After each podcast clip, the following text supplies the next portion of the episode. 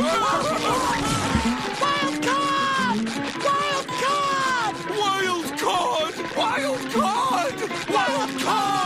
Wild card! Tarnation's going on? We heard Perch Perkins say something about wild card, eliminations, and large creatures. Yeah, large creatures! Huh? Oh, the game is called football. Perch Perkins was saying wild card, and it's a game. One team is about to be eliminated, and those large creatures are football players. We should all go watch the game. Football? Is that a smelly ball made of feet?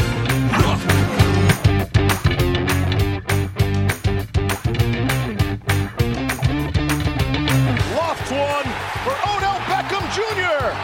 Got it down. Touchdown. Rams pressure is picked up. It's intercepted. It's David Long. Mahomes becomes a decoy. Kelsey's going to throw a touchdown. And Robbie Gold splits We the We got a happy SpongeBob and we got slime, baby. Let's get it. Anger with the fake. The pass is caught. It's caught for the first down. Brady Evans is in for the touchdown with a flare. Allen flips it for the touchdown. It's a big man touchdown for Tommy Doyle. Five in the pattern, Burrow tries to keep it alive, scrambles, throws it back in the end zone. But was he out of bounds first, or is it a touchdown? I think he was out of bounds. They're discussing it. The result of the play, touchdown. Touchdown!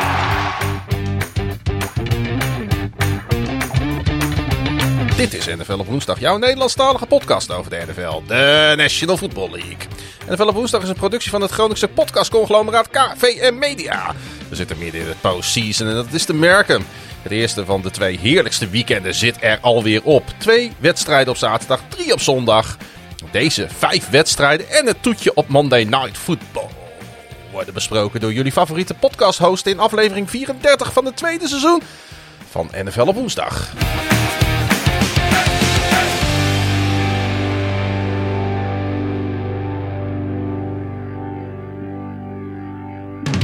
Met wederom natuurlijk complimenten, Pieter, voor deze geweldige intro. Ja, dankjewel. En Een stukje, een stukje SpongeBob erin. je trekt gelijk maar een biertje open. Ja, het was, eh, eh, misschien moeten we dat even uitleggen voor de eh, kijkers die dat gemist hebben. Omdat eh, nou ja, niet iedereen bekend is met het eh, verschijnsel Nickelodeon. Of ik moet beter gezegd NFL on Nickelodeon. Ja, het is het tweede jaar dat ze dat gedaan hebben. Ja, en dan eh, hebben ze dus op de kinderzender, hè, de, de zenden ze NFL uit op een, eh, ja, op een Spongebob-achtige manier. Zodat eh, het voor kinderen ook aantrekkelijk is om eh, naar voetbal te kijken. Dat, ja, dat komt er nog een eh, beetje in Ja, op. Nate, Nate Burleson doet dan commentaar met een of ander ja, een meisje, jonge, jonge vrouw. Ik weet het niet precies. Ik kan die leeftijd niet zo goed inschatten. Ik, ik weet haar naam ook niet. En, en nog iemand. En ja, die hebben dan eh, een wedstrijd. En als dan de spelers de endzone inlopen dan voor een touchdown, dan, eh, dan worden er op het veld slijmkanonnen geprojecteerd. En dan worden ze getrakteerd op een slijmdouche. En als er een field goal eh, gemaakt moet worden, dan verandert de field goal. In plaats van het net erachter zie je het gezicht van SpongeBob, die heel angstig en, en gespannen kijkt. En als de field goal gemaakt wordt, dan wordt het een vrolijke SpongeBob. En als hij gemist wordt, eh, wordt het een triestige SpongeBob. Maar ik zag dat ook eh, mensen slijm over zich heen krijgen, geprojecteerd die op de tribunes zitten. Ja, Dat ja, soort, eh, ja maar je hebt ook al mensen die hebben dan een soort slijmhoedje op, weet je. Dat is gewoon een soort rubber hoedje van fluoriserend groen rubber. En dat lijkt dan net alsof ze slijm op hun hoofd hebben. Maar volgens mij is dat gewoon een soort hoedje die ze hebben. En nou ja, ik, ik maakte net op, op Twitter al even de opmerking dat jij druk bezig was met het script. En ik zat lekker SpongeBob te kijken. Mhm. En eh, Mark Bremer die, eh, die eh, antwoordde toe met een gifje van, van een speler die, die een daadwerkelijke slijmdouche kreeg. Dus dat, tenminste, die in ieder geval een groene smurrie krijgt hij over zich heen. Dus het, begint, het begint serieuze vorm aan te nemen ondertussen, deze hele Nickelodeon slime trend. En natuurlijk wordt er na zo'n wedstrijd de MVP-trofee uitgereikt, die, nou, die heel begeerlijk is, denk ik. Want wie wil nou niet Nickelodeon's valuable player zijn? Wie was dat eh Vorig deze jaar, wedstrijd eigenlijk? ik geen idee. Ik, Nee. ik, ik weet alleen dat Mitch Trubisky het vorig jaar was. En het was eigenlijk gewoon een soort van... eh Vorig jaar was het Saints Bears, hè? Saints Bears was, eh, was toen een Ja. wedstrijd. En uh, ik weet Mitch Trubisky is het toen geworden omdat, nou ja, uh, de Bears fanbase is vrij groot. En iedereen wist eigenlijk dat het uh, Mitch Trubisky's laatste wedstrijd voor de Bears zou zijn. En uh, die zijn toen massaal, daar kon je voor stemmen. En die zijn, mm. hebben toen massaal hebben ze op Trubisky gestemd. Niet omdat hij nou per se de beste speler in de wedstrijd was. Maar omdat ze toch Chicago uh, wilden zien verlaten met een prijs. Dus het was eigenlijk een soort... Uh... Dus ik weet niet hoe dat ook deze keer georganiseerd is. Want eigenlijk was dat een beetje election rigging, om het zo maar te zeggen. Mm. Uh, of polfucking, uh, zoals het in goed Nederlands heet volgens mij. en uh, ik weet niet of dat nu ook zo, zo gegaan is. Arjen Kruithoff die vroeg het ook, van wie is jullie MVP? Nou, ik zei al, ja, Mitch Trubisky blijft voor mij de enige echte MVP. Maar ik, ik weet serieus niet wie het, wie het na Cowboys Niners geworden is. Want dat was deze keer de Nickelodeon-wedstrijd. Ik denk Boker. De ja. scheidsrechter. Ja, dat, dat was Boger bij die of was Boger bij, oh, nee, Boger de, was Boger bij, was bij de de Raiders, Raiders en de, ja. en de Bengals, toch? Ja, sorry. Ja, nee, maakt niet uit. Weet je, de ene slechte scheids kun je zo verwarren met de andere Ja. slechte scheids. Oh. Maar ehm Goed begin. Hey, Debo eh, Samuel of zo zou het misschien wel eens geweest kunnen zijn. Ja. Of eh, misschien is het Jimmy G zelf wel geworden. Ik heb geen idee. Ik, eh, dus ik, misschien kan ik het even googlen. Ja. Gaan we ondertussen ook aan jou en mezelf vragen hoe het met ons gaat. En wat we zo al uitgesproken hebben sinds onze laatste podcast. Nou, jij zit weer in de... In de Ik zit weer lekker te snotteren. in de snotten, in de ik, weet- ik, ik weet niet wat het is. Voor misschien ben ik ook allergisch. eh. voor IPA's. Het is, het is een traditie geworden. Dak Prescott is, het, eh, is, is de MVP. En mensen zeggen, ja, het wordt een beetje nu traditie dat de verliezende quarterback eh, de MVP-trofee krijgt. Nou, ik kan me niet voorstellen dat hij met heel veel plezier die award heeft opgehaald na de wedstrijd. Nee, maar volgens mij heeft Trubisky dat ook niet gedaan. Ik, voor de, die Pardon My Take podcast, waar ik nog wel eens naar luister, die hebben volgens mij maanden en sterker nog dusdanig laat dat hij was al... eh trainingskamp van de Bills was al begonnen volgens mij. En toen hebben die twee podcast-hosts van, eh, van Pardon My Take, die hebben met de MVP-trofee hebben ze Trubisky bezocht. Of, of, ze, of ze zijn in ieder geval met Trubisky op de foto gegaan met die trofee. Dat, dat weet ik wel. Dat, dat, ik weet niet precies hoe dat gegaan is, maar... eh Dak Prescott was dus de MVP. Waarvan akte. Nou ja, verder eh, was het natuurlijk, eh, ja, als ik moet nadenken over tussen wat er tussen de vorige podcast en deze is gebeurd, dan denk ik vooral terug aan afgelopen zaterdag, de actiedag in de horeca. Ons favoriete kroegje, proefelijk al Hooghout, was Ja, eventjes open. De vrijdag hadden we al een vergaderingetje gehad. Daar Ja. was natuurlijk ook de nodige versnaperingen kwamen daarbij kijken. En toen was zondag, was, was, of zaterdag was de, de, de actiedag. Ze hebben natuurlijk ook weer een proeflokaal hooguit gedempte Zuiderdiep. 61. in het eh, Groningse stadje G. Was gezellig. Ja, dat, eh, ja, dat, eh, en ik moest zondag weer gewoon werken. Ja, en die eh, actiedag die werd natuurlijk gevolgd. En eh, ja, we hebben natuurlijk luisteraars in het hele land en zelfs in België. Maar ik denk toch goed om eens een keer te benoemen. Eh werd natuurlijk opgevolgd in de stad Groningen door de fakkeloptocht. Eh, Oh ja, toen was, ik, eh, toen was ik naar de Waterloobar gegaan. Want ik had, ja, eh, ik had- ik naar had- een andere kroeg. Ja, ik, ik heb meerdere, meerdere broodheren wat, wat, wat cafés betreft. Of misschien kan ik beter zeggen, ik ben broodheer voor meerdere cafés.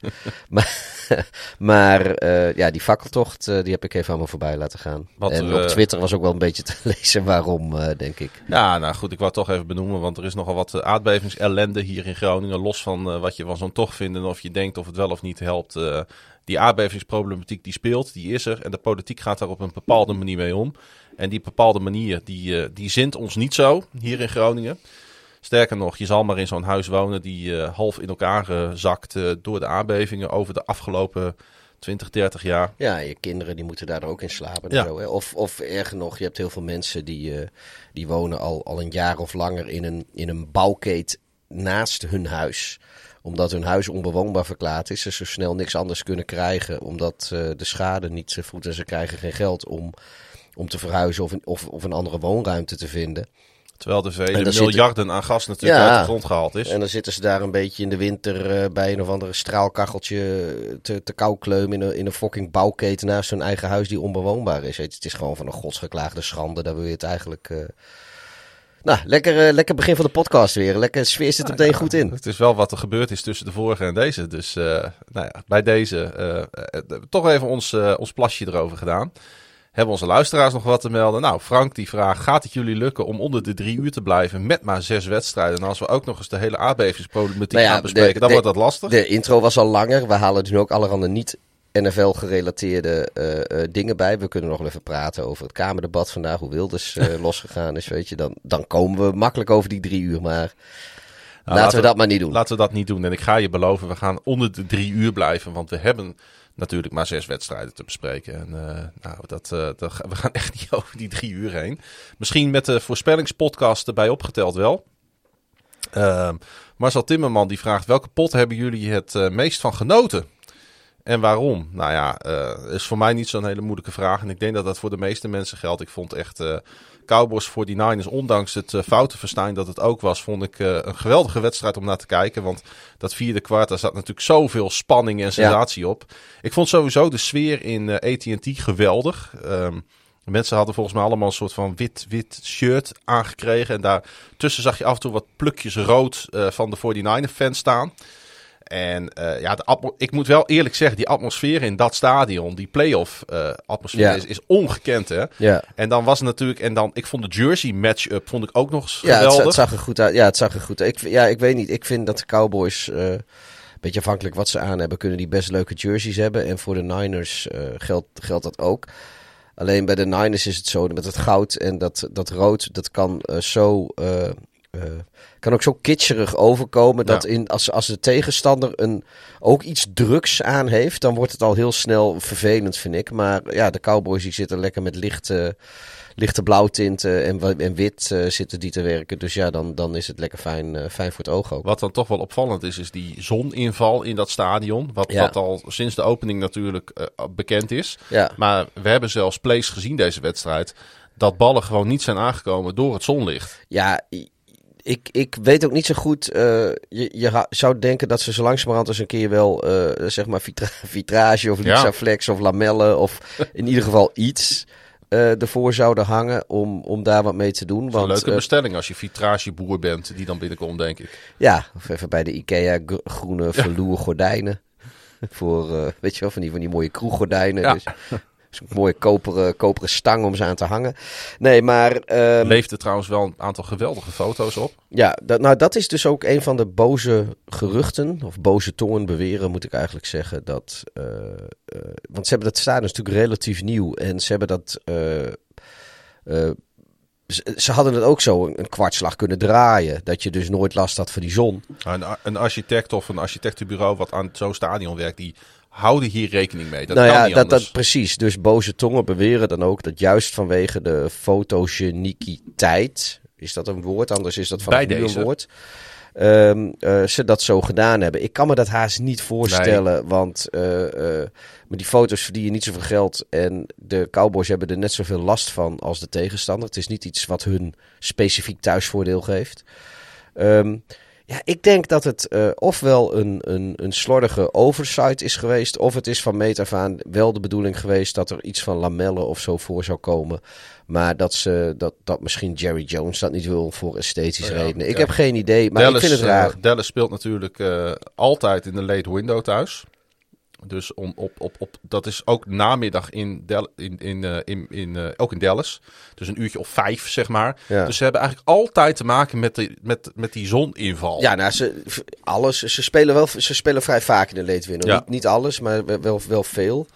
Eh, ja, en dat divisional games volgens mij niet, niet per se altijd. Blijft wel natuurlijk een, een, een krankzinnig mooi stadion, hè? Ja, ja maar ik- dat, dat, dat, dat vind ik wel echt, wat, je- wat, je, wat je zegt, dat met die zon, dat blijf ik gewoon heel raar vinden. Zeker voor een, een nieuw stadion. En laten we ook niet doen alsof de zon anders is gaan schijnen door de klimaatverandering of zo. Het is ook niet iets wat, wat zeg maar de laatste jaren in één keer speelt, Nee. eh, wat erger Nee, geworden is is, of wat de dan eerste ook. wedstrijd daar, Het is eh, gewoon, ja. ja, ja en, ja, en, en, en de, de postseason, waar de Cowboys natuurlijk eh, helemaal niet zo vaak in zitten. Dus het is niet zo vaak een issue. en, eh, ehm, ja, het is, en laat in het seizoen. Het is volgens mij vroeg in het seizoen is het helemaal, is het helemaal niet zo problematisch. Eh, het is echt iets voor later. Maar goed, ja, het, het- ik, vind het, ik vind het raar. eh, Er gebeurde dat natuurlijk nog wat is. raars in dat stadion van ze. Want eh, Jerry Jones, de eigenaar, die wou natuurlijk het allergrootste scherm ter wereld wou die hebben. Want zo is Jerry World, zo zit hij in elkaar. Zo is heel Texas. Dus wat gebeurde er ook weer eens tijdens deze wedstrijd, was al een paar keer eerder gebeurd. Bij een pand kwam de bal tegen het scorebord aan. Oh, waardoor, waardoor de bal opeens ploep naar beneden viel. Uh, gelukkig is er een spelregel die bepaalt dat als de bal iets raakt, dat die, dat die uh, kick of die pand dan overnieuw genomen moet worden. Maar het is natuurlijk ongelooflijk raar dat dat überhaupt kan. Ja. En, en dan, dan moet ik ook weer zeggen dat mijn hart voor um, uh, open stadions toch weer wat sneller gaat kloppen ook. Het is toch wel een beetje gemaakt hè, in zo'n overdekt ding. Ja, ik, ik weet Kijk, het is. Ja, ik, ik moet eerlijk zeggen, ik ben niet zo thuis in de, in de meteorologische omstandigheden van, van de stad Dallas. Um, ik, ik, ik ben wel de voorstander van dat bepaalde uh, steden of klimaten, dat ze daar dooms hebben. Op de een of andere manier zijn de steden waarvan ik het vind dat het eigenlijk ook weer zou moeten, zoals uh, Tampa en Miami, die hebben het dan weer juist niet. Nee. Uh, New Orleans heeft het wel. Daar kan het natuurlijk ook uh, smerig, uh, smerig benauwd worden. Maar vooral ook heel, heel, heel veel waaien en regenen in, tijdens het NFL-seizoen. Um, ja, als je een extreem klimaat hebt, dan, dan valt er wel wat voor te zeggen. Kijk, zoals de Vikings thuis bijvoorbeeld. Want ik denk als die in een open stadion zouden spelen, hadden ze waarschijnlijk het beroerdste klimaat van de hele NFL. zeker in de, in de in postseason of, of in december. Uh, maar januari is natuurlijk nog veel erger. Ja, dat, dat, dat. Weet je, een beetje sneeuw of een beetje storm of een beetje vrieskou of wat regen, weet je, dat vind ik allemaal niet zo erg. Maar ja, je... Buffalo is natuurlijk ook een goed voorbeeld van. Buffalo, van ja, Buffalo heeft natuurlijk een van de koudste plekken van Amerika. Ja, met, nou, met, ja, met, met, met, vooral ook veel sneeuw. Ja, Buff, Buff, Buffalo heeft vooral dat lake effect snow. Dat ja. volgens mij is niet, is voor, ik, ja, het, tuurlijk is het koud, maar het is volgens mij niet. Weet je, het is niet Minnesota koud als in uh, die zeg maar echt dat, dat die pol uh, shit eigenlijk. Fargo koud. Ja. En, uh, maar goed, kijk, als je, als je zeg maar een, een, een, een als er 30 centimeter sneeuw valt tijdens de wedstrijd. We weten allemaal nog die wedstrijd tussen de, was het de Eagles en de Lions? Die, uh, dat, dat, dat, dat, dat, dat ze op een gegeven moment uh, 20, 20, 30 centimeter sneeuw op het veld lag. Ja, dat is leuk voor een keer, maar dat is zo wedstrijdbepalend. Uh, dat is gewoon niet leuk meer. En nee. dan vind ik, uh, kijk, in, in, in Minneapolis zou dat, uh, zou dat volgens mij regelmatig voorkomen in, in postseason. Dus dan vind ik die domes wel ge, gerechtvaardigd. Maar in principe, ja,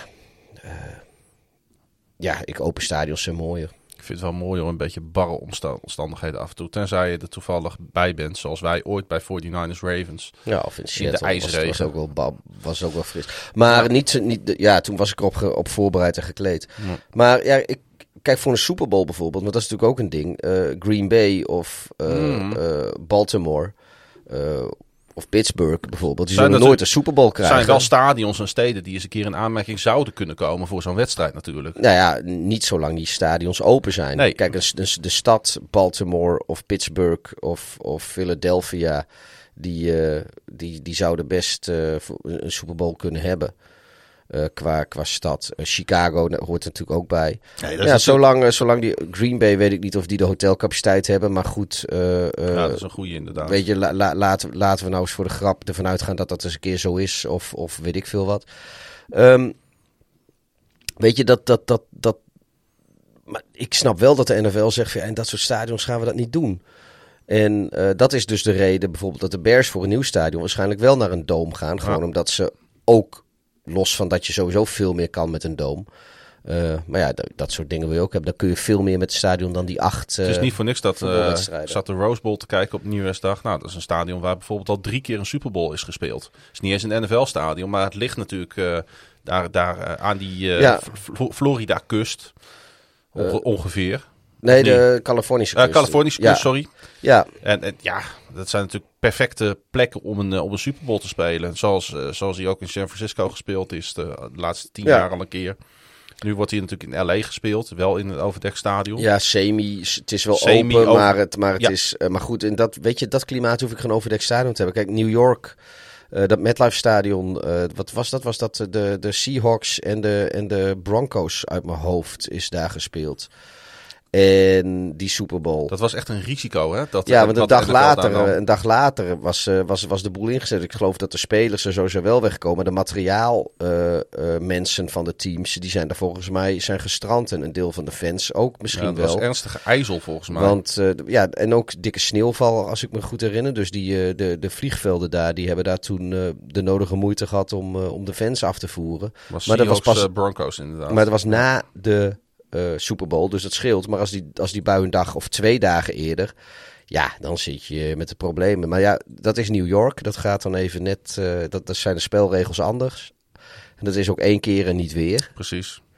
Maar goed, we, we dwalen alweer af. En zo Ja. krijgt Frank toch gelijk. En die drie uur, eh, die nadert alweer. Laten we teruggaan naar de Cowboys. Want Jaap, eh, eh, ja, Cowboys-fan, die zegt... Willen jullie iets positiefs zeggen over de Cowboys? Alsjeblieft. Hij, is het, hij heeft natuurlijk een beetje een, een, zwaar hart eh, na deze heart- heartbreaking loss.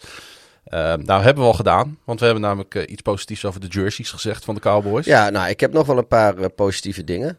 Nou, weet je wat het is met de Cowboys? Ehm zich, eh, ze hebben natuurlijk wel deze wedstrijd verloren. Die hadden ze niet hoeven te verliezen. Het is wel gebeurd. Eh, maar er staat daar natuurlijk wel eh, op zich op dit moment een team wat de komende jaren gewoon in principe altijd meedoet om één, het divisiekampioenschap, maar ook in de playoff race van de NFC. Want ze hebben daar die contracten natuurlijk aardig dichtgetimmerd Ja. op de skill positions. Ze hebben met Dak Prescott absoluut een franchise quarterback voor wat mij betreft de komende tien jaar. En een MVP. Eh, ja. Dat hebben we Eh, net geleerd. ja. dat hij de reigning MVP is. Nou, die, eh, ze hebben laten zien dat ze hun defense binnen een seizoen een upgrade kunnen geven. Ja. Dus op zich hebben ze het niet heel slecht voor elkaar. Het ligt niet per se aan de kwaliteiten binnen de binnen 53 man roster bij de Cowboys. Ja, ik weet niet of, de, of ze coaching technisch... Ja, dat is natuurlijk een grote vraag. Menne die vraagt ook, eh, gaan de Cowboys eh, McCarthy ontslaan?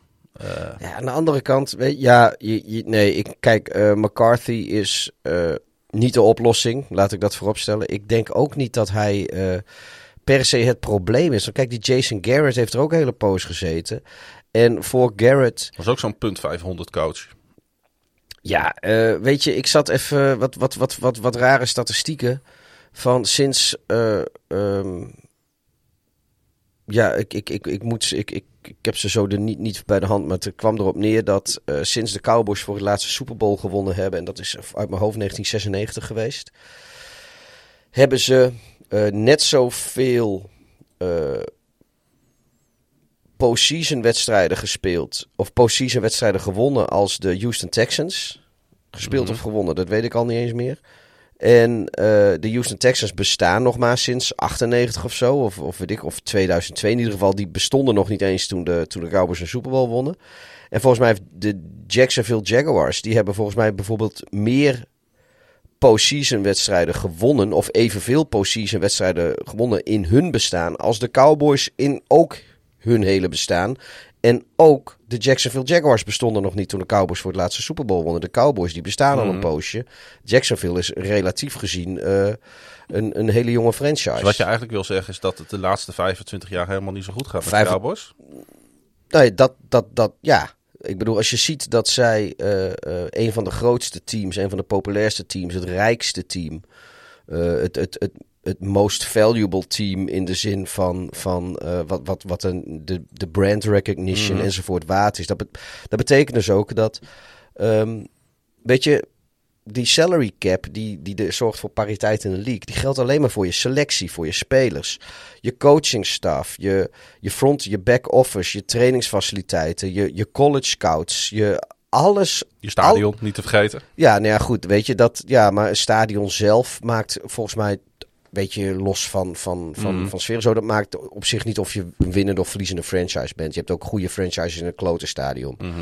Maar eh, alles wat je, wat, wat, wat je om je team heen bouwt om, om de kwaliteit van je team te faciliteren, dat valt niet onder die salary cap. En dan zou je dus verwachten dat een team dat zo groot en zo rijk is als de Cowboys, daar wel eens in slaagt. En je je hoeft niet ieder seizoen eh, erin te slagen, want zo werkt het niet. Maar al 25 jaar lang falen ze daar gewoon. En eh, ja, dan, dan zou je toch eens nogmaals, McCarthy is niet de oplossing. En ik denk ook niet dat McCarthy de sleutel is naar succes. Niet bij de Cowboys en ook bij geen enkele andere franchise. Maar uh, Beetje... Beetje net als wat ik vorige week heb gezegd, die rant over, of was het vorige week of twee weken geleden, heb ik zo'n rant gehouden over de Bears. Als, als ze nu weer, uh, want, want die Jerry Jones heeft natuurlijk nog een hele dikke vinger in de pap. Als ze, als ze nu wel uh, McCarthy ontslaan, mm. dan is dezelfde man die verantwoordelijk is voor dat ze daar zo lang Jason Garrett gehouden hebben. Prima kerel, maar het heeft ze niet verder geholpen. En die ervoor heeft gezorgd dat uh, McCarthy daar aan de, aan de bak is gekomen. Namelijk Jerry Jones. Die is dan weer uh, degene die een vinger in de pap gaat hebben. Bij wie daar dan nu de boel moet geleiden. Dus wie zegt me dat dat dan wel goed gaat? Dus ik denk dat het probleem dieper zit. Ja, dat klopt. Uh, en toch lijken ze door te gaan met McCarthy. Ondanks dat er natuurlijk een roep is vanuit de fanbase om zijn ontslag. Um, ja, ik, ik vind het lastig. Aan de andere kant heb ik het idee dat McCarthy gewoon op de een of andere manier het niet lukt om het spelletje bij te benen.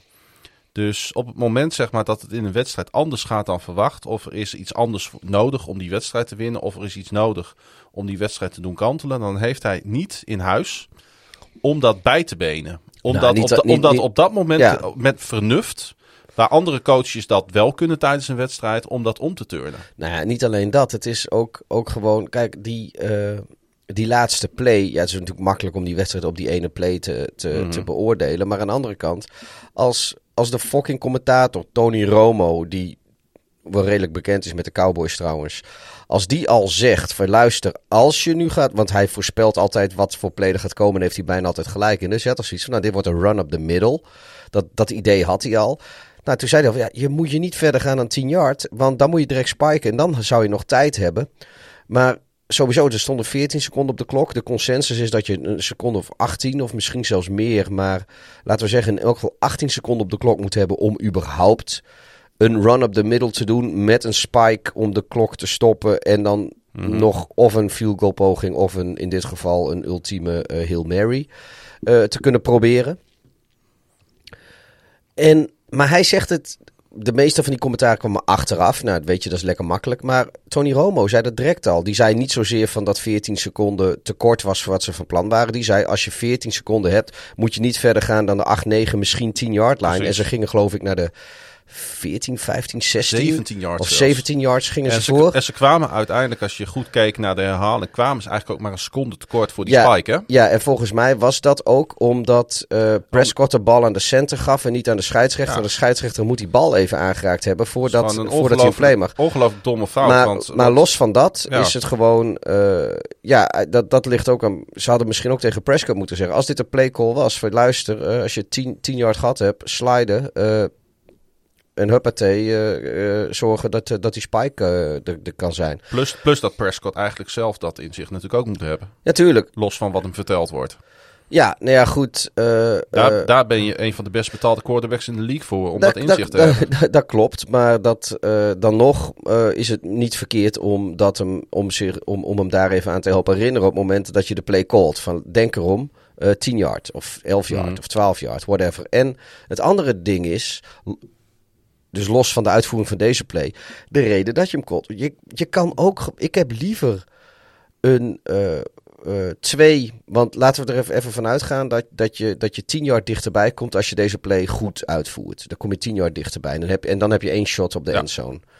Nou, wat heb je liever? Twee shots? Of één shot van 10 yard dichterbij. Wat was het? Volgens mij 40 om 30 yard of zoiets? Nou, sterker nog, ik denk dat ze misschien met een beetje massa zelfs wel drie shots hadden gehad. Ja, het, is wel, het was wel een vrij lange afstand. Dus die bal is wel even hmm. onderweg. En de receivers moeten richting de endzone komen. Het moet zich ontwikkelen. Ik denk nou, dat okay, ze niet meer als twee shots hadden gehad. Twee, maar, maar ja. twee shots of één shot van 10 yard dichterbij. En volgens mij gingen twee shots van 40 yard. Dus twee pogingen voor een 40 yard touchdown. Of één poging op een 30 yard touchdown. Ja, ik denk dat ik één liever twee had gehad. Maar het is niet alleen één shot. Het is ook nog één shot met de kans op dat je het niet haalt. Wat dus gebeurde. Ja, nou ja, kijk, en, en, en daar komt bij. Bij een Hail Mary, vind ik, moet je ervan uitgaan dat als, hij, als het niet lukt, mm -hmm. dat het een incompletion is. Dus dan stopt de klok direct. En, uh, en ja, als je heel veel mazzel hebt, kun je misschien out of bounds en dan, dan heb je treinwinst. Maar goed, maar dat kan ook. Als de Hail Mary zich niet goed ontwikkelt, uh, al de DB's, alle verdedigers die gaan op de endzone staan, die gaan allemaal die touchdown verdedigen. Dus in theorie is het dan zelfs nog zo dat uh, als je snugger bent, hou je één speler bij een zijlijn die waarschijnlijk ongedekt is, zodat je alsnog uh, misschien een checkdown hebt, Precies. zodat je nog een tweede poging hebt van dichterbij in plaats van een tweede poging en van logischerwijze hadden de uh, 49ers al een soft defense staan natuurlijk, die hele drive. Ja, nou nee, maar goed, dit, ja. en, en dat, op dit moment was het om het uit te buiten. Dus, ik, dus nou ja, we hebben de nodige kritiek op hoe de play die is gecallt uitgevoerd werd. Dus hoe de invulling aan die play gegeven is. Maar het callen van die play zelf is eigenlijk natuurlijk ook gewoon al heel dom geweest. En ja, daar is McCarthy voor verantwoordelijk. Toch even uitzoomen naar het bredere plaatje, nu we het er toch over hebben. McCarthy is natuurlijk wel een Super Bowl winner uh, voor de Green Bay Packers gebleken. Uh, hij heeft zijn Cowboys naar een 12-5 uh, overall record nu geleid. -hmm. Een divisietitel dit seizoen gewonnen. Met een NFL leading offense. -hmm en een defense uh, die absoluut tot de league's top uh, playmaking units ook behoorde. Ja. Uh, dat kun je er tegenover zetten. Ja, maar dan, je weet wat ik altijd zeg over Green Bay. Mm -hmm. En dat is dat zij met veel te weinig halen uit het talent van Aaron Rodgers. En McCarthy is daar een groot onderdeel van. Die, hoe vaak is hij met Green Bay wel niet league-leading offense geweest? Heeft hij daar wel niet 12-5 of, of zelfs 15-1 records gehaald in regular season. Om vervolgens in het postseason in het zicht van de haven weer eruit gekegeld te worden door een ander team. Ik snap wel dat het uiteindelijk om verzilveren gaat. Nee, maar dat, dat, dat hij is, hij is uh, fundamenteel. Laat, laat ik het anders zeggen. Aaron Rodgers is niet het probleem geweest dat dat niet lukte. Daar is hij te goed voor. Maar McCarthy is een van de problemen geweest. Dat hij, nou, met alle respect voor Dak Prescott, maar Aaron Rodgers is een veel betere quarterback. En uh, met alle respect ook voor dit Cowboys team. Ik ik denk dat uh, de afgelopen tien jaar hebben we ook uh, Green Bay teams gezien die beter zijn dan deze Cowboys. En toch is het on onder coaching van McCarthy. En toch is het McCarthy daar ook niet mee gelukt. Dus ik zie niet in waarom het McCarthy nu wel zou lukken. Want ik zie namelijk ook niet dat hij beter is geworden of geleerd heeft. Want hij doet nog nee, steeds domme dingen. Dat, ik denk dat dat het, het meest tegen hem spreekt. Ja. Dat hij inderdaad nog steeds, dat het hem niet lukt om op de bepalende momenten om die onderscheidende coach te zijn. Ja, ik, ik heb een beetje het idee dat hij heeft... Waar LeFleur wel hij, bijvoorbeeld ja, een ontwikkeling laat zien bij de Packers. Ja, precies. Ik denk dat ik denk dat McCarthy's probleem is een beetje dat toen hij... Nou, hij was niet eens een hele jonge coach, maar uh, hij heeft op een gegeven moment heeft een, een Super Bowl gewonnen met, uh, met Aaron Rodgers en, en een uh, best wel goed Green Bay team. Um, in, nou wat was dat, 2011? Ja. geloof ik. Het was de Super Bowl van de 2010 10, seizoen. Dus of het was, 2011. Ja, of het was de 2012 het Super Bowl van 2011. Maar dat, dat roept nee, niet om, maar het is ja. tien jaar geleden. En uh, daarna is niks meer veranderd. Hij doet alles precies zo. Ik heb het idee dat hij denkt, ja, toen won ik. Toen daar, en was hier win ik een Super Bowl mee. Ja, dus was, dat doe ik nu. Maar de NFL is tien jaar verder. Tien jaar verder. En hij niet. En hij heeft natuurlijk dat. Er is dat rare verhaal dat hij een sabbatical heeft genomen. Dat hij uh, zelf zei: hey, ik heb mij ontwikkeld in allerlei nieuwe uh, ja, hij snufjes had, en technieken. Ja, hij, hij ging en, helemaal en in data. de data mining en, en, en, en, en analytics en, wat dan ook. En toen was hij aangenomen. Nou, zei zei van, hij, nou, nou, was grapje. Was grapje, was helemaal niks van waar. Precies. Gefopt. Ja, dat was natuurlijk ongelooflijk weird. Ja, we hebben, dat, we hebben, we hebben het hierover gehad uh, ja, eerder in ons tweede seizoen van NFL op woensdag. Ja.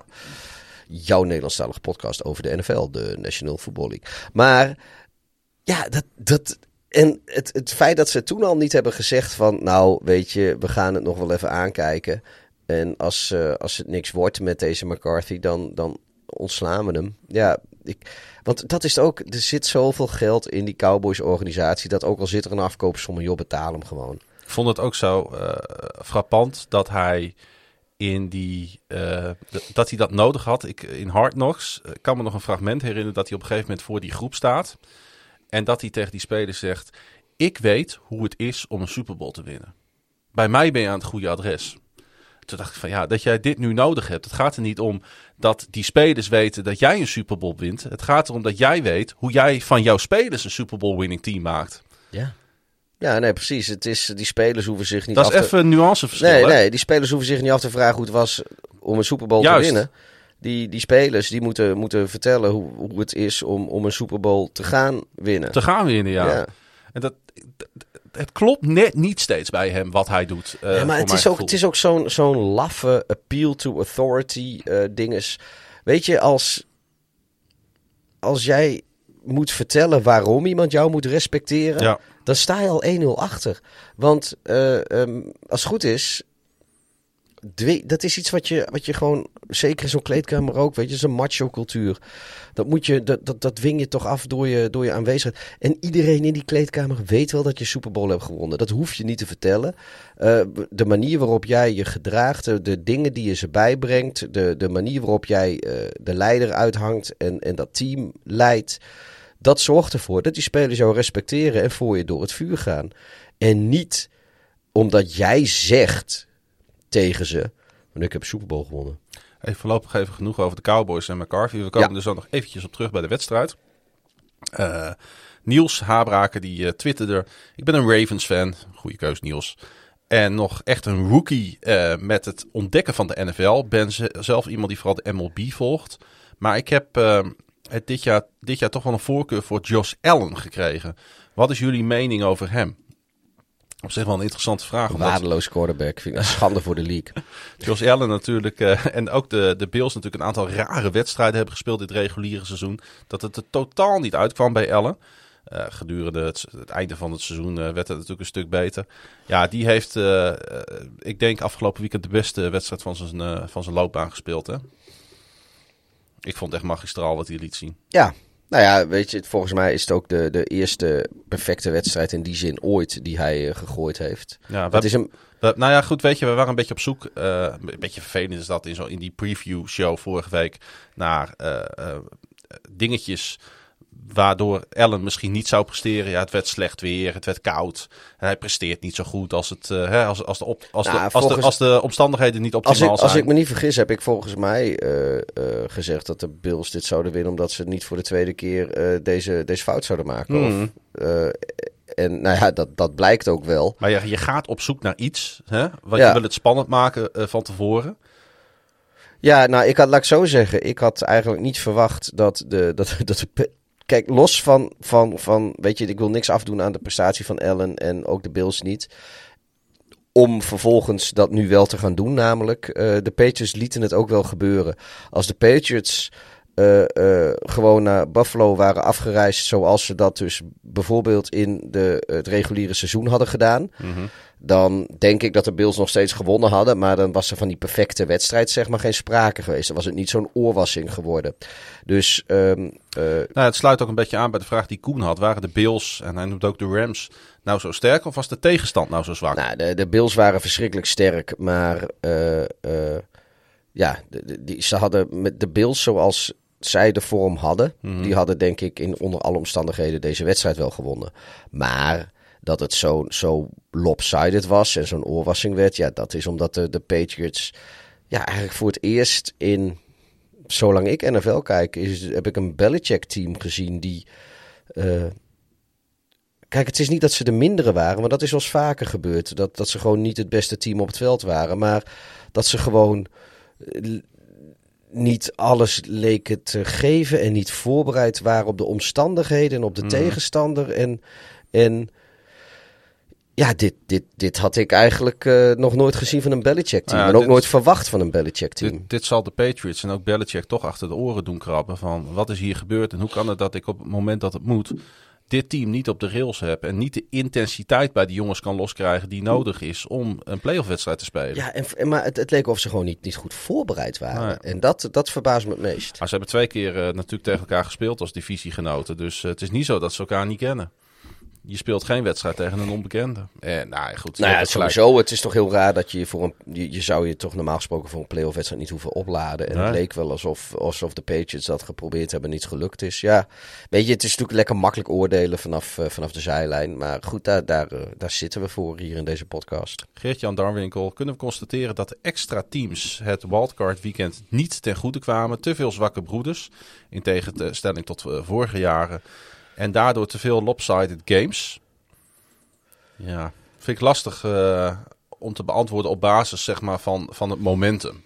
Ja, nee, ik ben het niet. Nee, ik vind het een beetje makkelijk, want. eh, De Steelers, dat was natuurlijk een zevende seed die er normaal gesproken niet geweest was. Uh, of die er voorheen niet was. Um, die gingen dan naar de Chiefs. Maar ja, van alle verloor, teams die verloren hebben, hebben de, de Steelers het meeste punten op het bord gezet. Hm. Ja, kijk, uh, uh, Mahomes die ging even, vooral in het tweede kwart en een klein stukje van het derde kwart, ging die helemaal los. En die klapte er volgens mij in, in 10 minuten vijf touchdowns uit. Ja. 10 minuten op de wedstrijdklok. Ja, dat, dat overkomt niemand. De Eagles waren de andere zevende seed. Nou, dat is nou juist een van die teams die ja, weet je, ze werden, het was niet spannend tegen de Buccaneers, maar ik vond ze ook niet per se slecht. Het zijn de Cardinals die, uh, die enorm tegenvielen. De Patriots die enorm tegenvielen. En um, was er nog één? Nou ja, in nou, ieder geval... Verder viel het wel mee. Ja, nou ja, goed. Maar de Cardinals en de Patriots, dat zijn de teams die er in het oude playoff format ook gewoon ingezeten hadden. Zeker. En uh, ook vorig jaar hadden we volgens mij zeven playoff teams, als ik me goed herinner. En toen waren bijvoorbeeld uh, uh, mijn en Darts zo geliefde Chicago Bears de zevende seed in de NFC. En die zijn ook zeker niet afgedroogd in, in New Orleans. Het was niet per se heel spannend, maar ik heb volgens mij met jou die wedstrijd zitten kijken. Mm. Dat was die trick play die Javon Wims liet vallen, in de, door zijn handen liet glippen in de endzone. Maar als die... En later ging die knokken? Ja, nee, maar goed, maar los, los van dat. Als, hij die, als hij die touchdown pass had gevangen, dan was er op dat moment was er volgens mij ook maar drie punten meer in die wedstrijd geweest. Uh, dat, dat is ook nooit een oorwassing geweest. Dus ik, ik, ja, ik, ik vind het een beetje, beetje, beetje makkelijk gezegd. Ik, uh, en ik denk dat twee seizoenen ook niet genoeg is om erover te oordelen. Nee.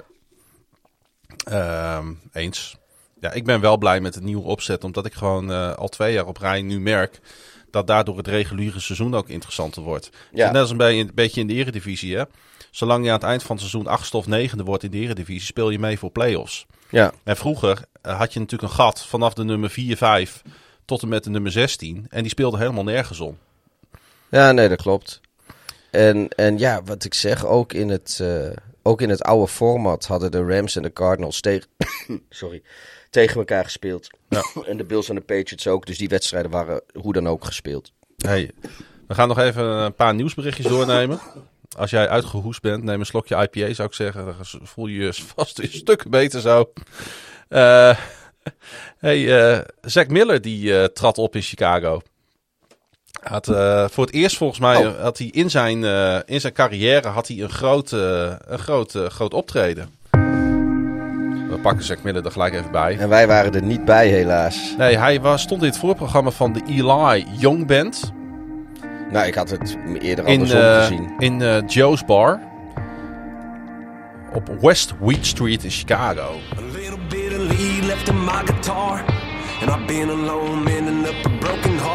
Dat, uh, dat was bijna genoeg reden geweest om... Hij trad erop voor een uitverkochte zaal. Met uh, lovende reacties. Tenminste, die hij zelf gepost heeft op zijn eigen Twitter-tijdlijn. Ja, ik, uh, dit was bijna reden genoeg geweest om... Uh, Toch een retourtje Chicago. ja, voor de derde keer in drie maanden naar Amerika af te reizen. hey, wist je het? Zie je, ik zit over te kijken waar die, uh, waar die Joe's Bar is, hè? Ja. En weet je dat dat... Als, even kijken, als ik dat zo bekijk. Volgens mij is dat echt letterlijk om de hoek bij die bar waar wij zaten. Um, Bex. Weet je wel, met, die, met die rare dronk Amerikanen die op de vuist wilden met iedereen. En die, volgens mij is dat serieus één blok bij Bex vandaan. Want uh, volgens mij zat, uh, zit, zit Bex zit volgens mij op de hoek van Claiborne en North Avenue. Klopt. En uh, Joe's Bar zit... Ah, nou, dat Weed, wat was er nou? hoe heette die straat? Weed Street. Ja, Wheat Street. Nou, dat ligt een blok achter uh, North Avenue. Ik denk dat het hemelsbreed 200 meter bij elkaar vandaan is. Ja. Dus we zijn er toch een beetje bijna bij geweest. Ja. Er zat alleen 200 meter en twee maanden tussen. Nou, het lijkt me toch leuk om even te doen. We houden hem in de gaten. Hey, uh, Catherine Rage. Dat is uh, de, moet ik het goed zeggen, de Vice President of Football Operations bij de Philadelphia Eagles. Ehm, zij is in gesprek met de Vikings om daar general manager te worden. En dat vond ik toch wel een tof bericht. Uh, zij zou daarmee de tweede general manager in NFL history kunnen worden. De eerste was namelijk Suzanne Toe Spencer. Vrouwelijke general manager. Vrouwelijke... ja, oké. Nee, want er zijn nogal wat general managers geweest in NFL history. ja, sorry, ik, uh, ik, ik, sorry. Nou, ik vond het leuk om te lezen, want uh, nee, nee, is, meer, is meer genderdiversiteit, dat juichen we alleen maar toe. En dat ja. stuurt de NFL natuurlijk ook een beetje op aan. Nou ja, en, uh, en ja, aan de ene kant juich ik het toe. Aan de andere kant zie ik nu alweer op tegen al die lauwe takes van, van oh, we verliezen de Bears van een vrouw. Of als ze dan winnen van de Vikings, oh, ze hebben van de vrouw gewonnen. Ja, maar daar moeten we dan toch ook gewoon een beetje met elkaar vanaf. Van dat ja, soort, nou, ik, ik zal ook niet degene zijn die, nee. die ze doet, maar... Dat, ja, nee, dat, dat is natuurlijk ook nooit een reden om zoiets niet te doen. Maar ik, ik nou ja, weet je, word ik, op voorhand alweer moe van die lauwe takes. Ik, ik moet een beetje denken aan uh, een van onze luisteraars, Brit. Die, uh, waar ik uh, maandagavond even een Skype-gesprekje mee had. Omdat ik even hielp met, een, met iets wat ze voor haar studie moet doen over de NFL. Ook zo is NFL op woensdag, weet je. Wij helpen je ook gewoon met je studieprojecten. En zij zei van ja, ik, ik, ze, ik, ze gaat iets met sport studeren. Uh, sport nog wat. Ik weet niet meer wat. Sorry, Brit. En ze zei van, het zou eigenlijk is het best wel mijn droom om ooit bij een NFL-team te werken. Om daar misschien allereerst een soort van stage of zo te gaan doen in Amerika. Maar ik zou het heel tof vinden om. En dat vind ik, ik vind het mooi dat iemand zo'n droom uitspreekt. En dan kan ik me voorstellen dat dit best wel voorbeelden kunnen zijn. Ja, die maar dus dit, dit, de, de weg ja, vrijmaken nee, voor dit, vrouwen in de NFL. Dit werkt ook gewoon. Kijk, als je, uh, uh, als je gewoon vrouwelijke ja, maakt niet uit als, als je een vrouw op een positie ziet waar ze, waar ze uh, enorm ondervertegenwoordigd zijn. Sportwetenschappen heet dat volgens dus, mij. Ja, of, ja maar, ga door. Zo. maar als jij een vrouw ziet op een positie die, uh, die normaliter uh, eigenlijk voor mannen weggelegd is, ik noem maar wat, zoals minister-president of, of inderdaad general manager mm. bij, bij, bij een voetbalteam of, of misschien wel als bondscoach en dan niet van het Nederlandse vrouwenteam, maar weet je van het Nederlands mannenteam bijvoorbeeld, waarom zouden we daar niet een Weet je, we hebben, we hebben een, een, een bondscoach gehad die met vrouwenteam een WK-finale gehaald heeft. Waarom zou die geen bondscoach kunnen worden bij de mannen? Dat is eigenlijk ook een raar idee hoor. Van, van waarom zou dat niet kunnen? Mm. Want die, die, die, die komen niet eens in vragen. Maar goed, uh, ik denk als je, als je daar uh, een vrouw dan ziet als vrouw zijnde, dat je dan, of als meisje zijnde, dat je dan ook veel, veel sneller denkt van zie je, dit, dit is iets wat ik ook kan. En uh, dat, dat schijnt ook echt zo te werken. Dat, dat zie je wel ma- vaker met, met minderheden, zoals die Black Panther film bijvoorbeeld ook. Dat ja. schijnt in, uh, vooral in de Verenigde Staten, bij heel veel uh, zwarte kinderen, dit, dat ze gewoon een, een zwarte super, een superheld hadden die er net zo uitzag als hun, zeg maar. In plaats van Superman en Batman en Spider-Man, zijn allemaal, allemaal witte boys. En uh, daar is op zich niks mis mee. Maar er zijn natuurlijk heel veel mensen die niet wit zijn, die, die ja, die, die, die dan op, op een andere manier zich toch minder uh, aangesproken voelen. Of in ieder geval minder, uh, nou ja, er zijn, de mogelijkheden Er zien. zijn natuurlijk ook heel veel meer donkere quarterbacks bijgekomen in de laatste twintig jaar. Goed, zeker goed, uh, goed, goede ontwikkeling. Er, zijn, er is gewoon heel lang is het zo geweest dat, dat in de NFL gewoon de gedachtegang was dat, uh, dat zwarte jongens minder snugger waren. Ja. En uh, dat heeft zelfs, dat hebben we het volgens mij ook dit seizoen al over gehad, dat, dat ging zo ver door dat als uh, zwarte spelers CTE kregen, dat ze minder geld kregen dan witte spelers. Want, want ja. Lopen, joh, lopen nog steeds onderzoeken. Uh, ja, want, want ze waren ja. toch minder snugger. Dus als hun hersenen beschadigen, dan, dan, dan waren er minder potentiële inkomsten gederfd dan als bij een witte jongen dat gebeurde. Ik, ik, ik, ik hoop, misschien slacht ik nu de, de gist van, van wat er speelde. Maar volgens, dit is volgens mij zoals ik me het herinner.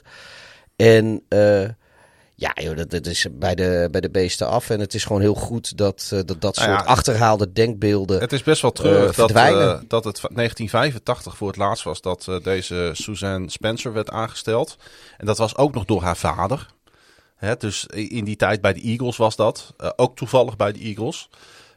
dus dat, dat er is natuurlijk een ongelooflijk gat ligt daar. En uh, ja, ik denk dat de Vikings, als zij natuurlijk uh, kwalitatief ook voldoet, er goed aan doen om, uh, om, om eens met een andere blik een general manager aan te stellen. Of een general manager aan te stellen die een andere blik heeft. Het is, het is ja. allebei. Want we moeten natuurlijk niet doen alsof de Vikings nou zo'n succesvolle organisatie zijn de laatste jaren. Ze hebben natuurlijk één keer die play-offs gehaald en zijn heel ver gekomen. Maar, nee, die hebben op dit moment. Die buiten ook niet al hun talent uit, hè? Nee, die zitten, die zitten ook onder hun. Uh, Potentie zou ik willen zeggen.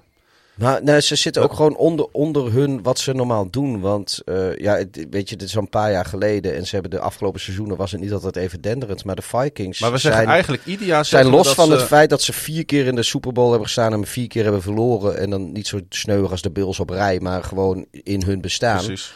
Um, maar volgens mij zijn de, de Vikings komen eens uit 61 of zoiets. Die hebben een van de beste win-loss records qua percentage van, Mhm. van, van uh, sowieso van de NFC North.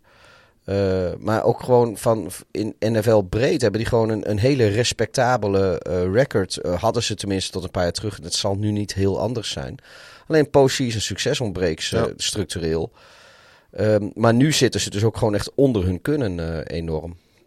Ja. Vikings is echt een groot, of een, een, een, een, een, een heel stabiel goed team geweest eigenlijk altijd. Kijk, Green Bay denk je nu aan in de NFC North, maar dat is eigenlijk sinds Brett Favre daar kwam. En dat is, onder, we zijn nu 25, 30 jaar verder. Dus ondertussen is het ook wel stabiel. Maar daarvoor hebben ze een hele lange periode van middelmatigheid gehad. Ja. Uh, nou, en, de, en de Bears zijn net andersom. Die hebben heel lang zijn ze heel goed geweest. En die zitten nu al, al 30 jaar lang zitten die in de, in de middelmatigheid. Maar de Vikings hebben er eigenlijk altijd heel stabiel tussendoor gezeten. Dus sneaky zijn die uh, uh, uh, misschien wel. Dat, een van, ja, die, die zijn veel beter in die NFC North dan. en, en ook in de hele NFC dan, dan mensen wel eens denken. Nou ja, we houden het uh, voor jullie in de gaten. Ook uh, tijdens offseason natuurlijk wat er gaat gebeuren bij de Vikings en bij al die andere teams. En waar Catherine Rage eventueel terechtkomt. Uh, laatste nieuwsbericht voordat we aan de wedstrijden gaan beginnen. Mike Mayock. Dat Raiders. is de, de voormalig general manager van de Las Vegas Raiders. Ja, hij, hij heeft, hem is de wacht aangezet. Officieel is nog geen beslissing genomen over interim headcoach Rich Bisaccia. Maar er zijn al wel verzoeken ingediend om outside coaches en general manager kandidaten te interviewen. Um, ja, de Raiders, afgelopen drie jaar, Pieter, 7, 9, 8, 8 en 10, 8. Helemaal geen slechte records, wel uh, rond punt 500. En nu gaan ze afscheid nemen van hun general manager. Uh, na het seizoen, na dit seizoen, waarin ze zoveel hebben meegemaakt samen. Ik vond het een uh, verrassende move van de Raiders. Um, ja en nee. Ik denk dat, uh, dat, ze, dat ze mee ook sowieso niet toevertrouwden uh, de headcoach te bepalen. Hm. In ieder geval niet in zijn eentje. En ik denk dus ook dat uh, Bis Bisaccia, Bisaccia, hoe je dat uitspreekt. Um, heel slecht dat ik dat nu niet weet, want ik, ik, ik begin nu te twijfelen. Maar in elk geval... Um, ja, ik denk dat zij gewoon uh, de, de, de heel belangrijk vinden dat zij uh, een van de beste coaches die, die op de markt is nu, dat ze die krijgen. Dus logisch wil ieder team.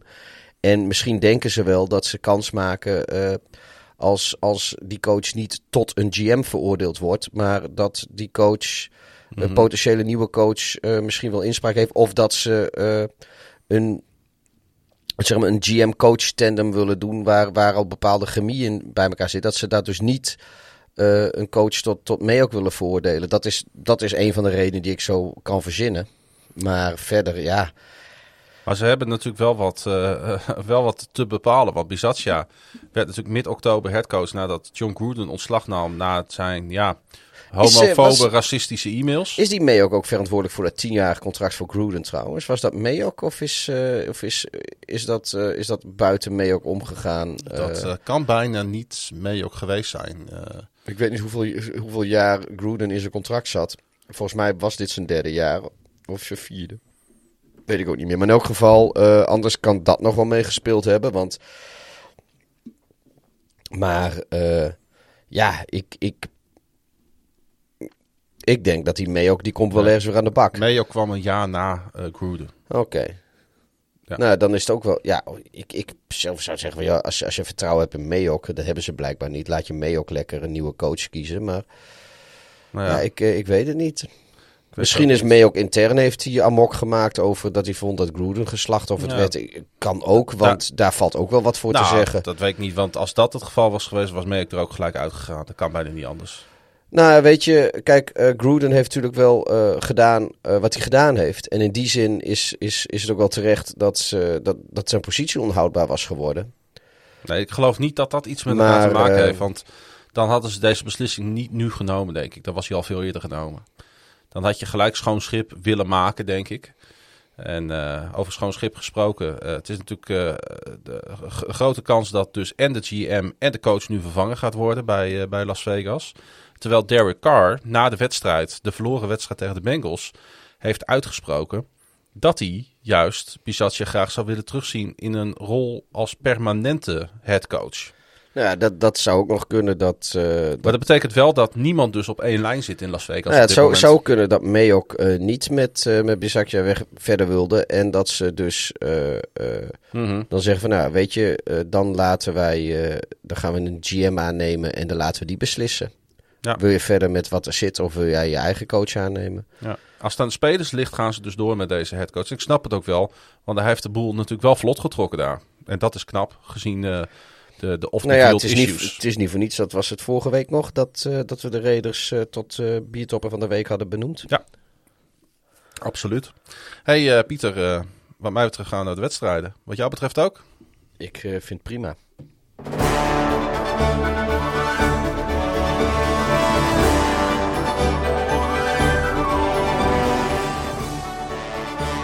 Ja, absolute dominantie aan eh, beide kanten van de bal. Stafford hoefde niet eens zijn beste spel te spelen om voor het eerst in 13 jaar een wedstrijd in de playoffs te winnen. Hij paste voor 202 yards en twee touchdowns en rende ook voor één score. Dat allemaal tegen een Cardinals team die niet wisten waar ze het zoeken moesten. De 11-34 eindscore doet wat mij betreft niet eens recht aan het kwaliteitsverschil.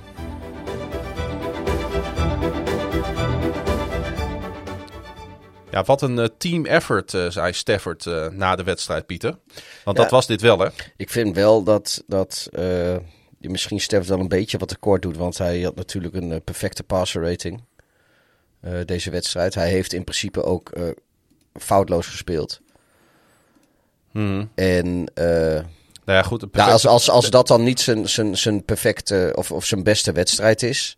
Nou, dat is, eh, dat is voornamelijk een, eh, een heel groot compliment dan vooral voor Stafford. Want volgens mij, eh, ja, kijk, de, de, zijn, zijn, zijn rating ook gewoon is een van de beste ratings ooit voor een quarterback in de, in de, in de wildcard la- ronde. laat het me dan even uitleggen. Ik, ik zei dat om. Stafford hoeft niet zijn beste spel te spelen, omdat het dus een team effort was. Eh, wanneer moet een quarterback zijn beste eh, spel spelen? Als je iedere drive bijvoorbeeld op je tien- eigen 10-yard line moet beginnen en 90 yards moet overbruggen. Ja, nee, hij werd wel geholpen door zijn team natuurlijk ongelooflijk tuurlijk. geholpen door field het- position, Het, het, team hielp special hem. Ja, teams, kijk, het, het team, defense. het team hielp hem wel om. eh, Dus hij hoefde niet zijn ja. beste spel te spelen om deze wedstrijd te Hij winnen. bracht, ik team- zeg niet dat hij niet zijn beste spel speelde. Nou, dat, ik, ik, denk- ik denk, nou, ja, ik- hij kan vast misschien, ik zou het misschien nog wel beter kunnen. Nee, het team, heeft, hem, het- team eh, heeft hem gewoon geholpen om, Ja. om een goede wedstrijd te spelen. Aan de andere kant, kijk, hij maakt het dan ook waar, weet je. Hij beloont het team wel met, eh, met, eh, met, met ja, op het moment dat, dat er dan kort, eh, korte velden gegeven worden, weet je, dan, dan, dan komt er ook wat uit. En hij heeft zelf drie, drie touchdown passes gegooid. Nou, dan heeft natuurlijk eh, Odell Beckham... Hij heeft twee, twee gegooid en één Oh ja, één- oh ja, binnengerend. één heeft hij zelf binnengerend. Nee, sorry, dat is waar. En oh ja, Beckham was geen touchdown pass volgens mij. Of, ja, dat was ook een touchdown pass. Jazeker. Beckham en Cooper Cup noteerden allebei een touchdown pass eh, voor natuurlijk de NFC West kampioen. En, ehm, en eh, David Long, die scoorde natuurlijk hè, met die Ja, ik- 3-yard ja, ik- interception return. Nee, ik was heel even in de war met die hele lange reception van Beckham naar de 1-yard line. Maar inderdaad, de pass die Beckham gooide werd wel een touchdown. Maar die hele lange, dat was een lange pass van hem. Maar die lange receptie van hem, die ging maar tot de 1-yard line. Maar dat, eh, dat is mijn schuld. Ja, en eh, de play waar natuurlijk eh, de wedstrijd, waar duidelijk werd dat de wedstrijd naar LA ging, was natuurlijk die 3-yard interception return van David Long. Nadat Rams, eh, de Rams defense Kyler Murray opgejaagd had in de endzone. De kortste pick six in NFL playoff history was dat trouwens. Ja, het is een beetje Carson Wentzerig eh, wat daar gebeurde. Ja, hij maar was, hoewel Stafford heeft het eh, eerder dit seizoen ook iets, iets, iets zoiets doms gedaan. ja. Maar ik moet, moet vooral een beetje aan Wentz denken. Maar Murray was helemaal in paniek hè. Wat zat die eh, beroerd in de wedstrijd, eh, zoals de hele Cardinals. Dat was geen houden aan hè. Ja, volgens mij sowieso. eh, de Cardinals in postseason, dat is niet zo'n succes. En Cliff Kingsbury ook. Voor, dit is ze zijn de laatste zes wedstrijden van het reguliere seizoen zijn ze 1-5 gegaan, als ik me niet vergis. Nou, dan hebben ze dit. eh, dit was ook niet. Ze verliezen niet. Dit was gewoon een, een, een démasqué, eh, zoals je dat weer in goed eh, Frans zegt of in goed Nederlands zegt. En dit is volgens mij het derde seizoen op rij dat de Cardinals onder leiding van Cliff Kingsbury in de tweede seizoenshelft uiteenvallen en gewoon instorten terwijl ze prima beginnen. Dat begint wel een, een, een hele problematische trend te worden. Want het is niet per se dat het door blessures komt. Tuurlijk, eh, er zijn wel wat blessures, maar die heeft ieder team. Ja.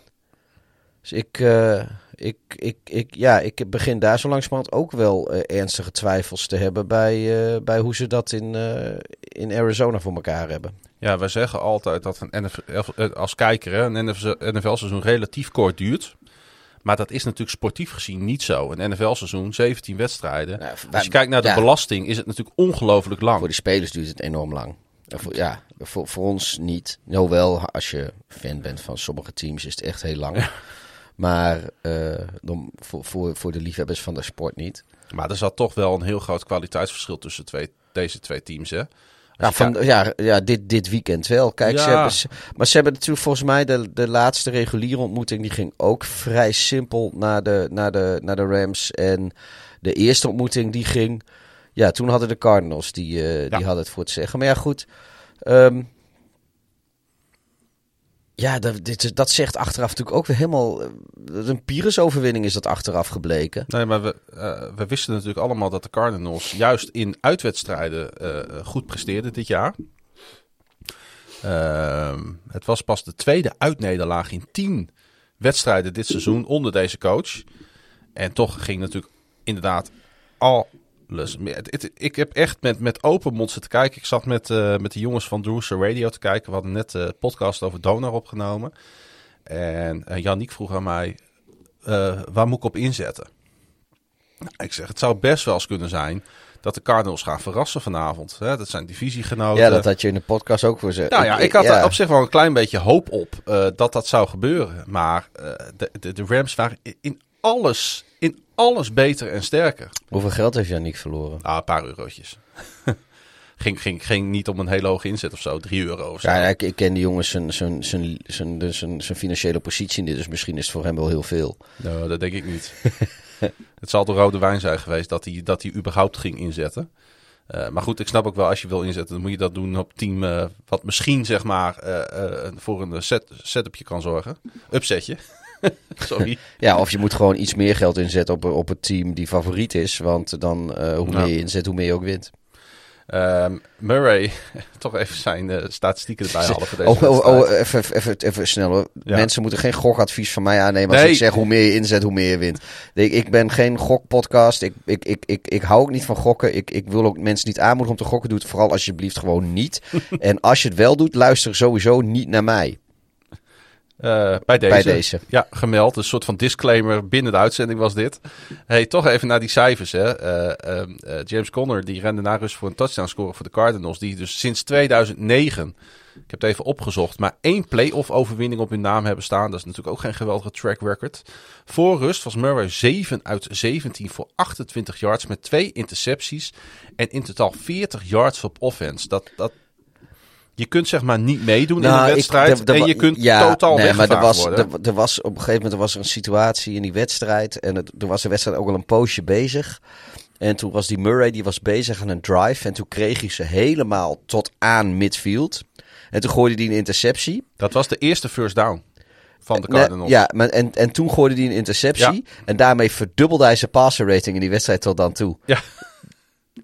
Dus, dus de, wat, hij, wat hij daarvoor had laten zien was zo verschrikkelijk slecht dat, dat een, een, wat is het, een, een 20, 25 yard uh, drive eindigend in een interceptie, Mhm. mm -hmm. dat dat gewoon uh, zijn passrating verdubbelde. Ja, dat is vrij treurig. Trouwens wel een interessante interceptie, want um, de, die interceptie was de eerste in de loopbaan van Rams lineman Marquise Copeland, die de bal ving naar een deflected pass. En dat vind ik dan het mooie, zeg maar, ook aan goede teams. Aan teams die, die nu sterk in de playoffs staan. Uh, die Copeland die tekende als undrafted free agent in mei 2019. Heeft bijna nog, nog, niet, nog niet gespeeld voor dit team.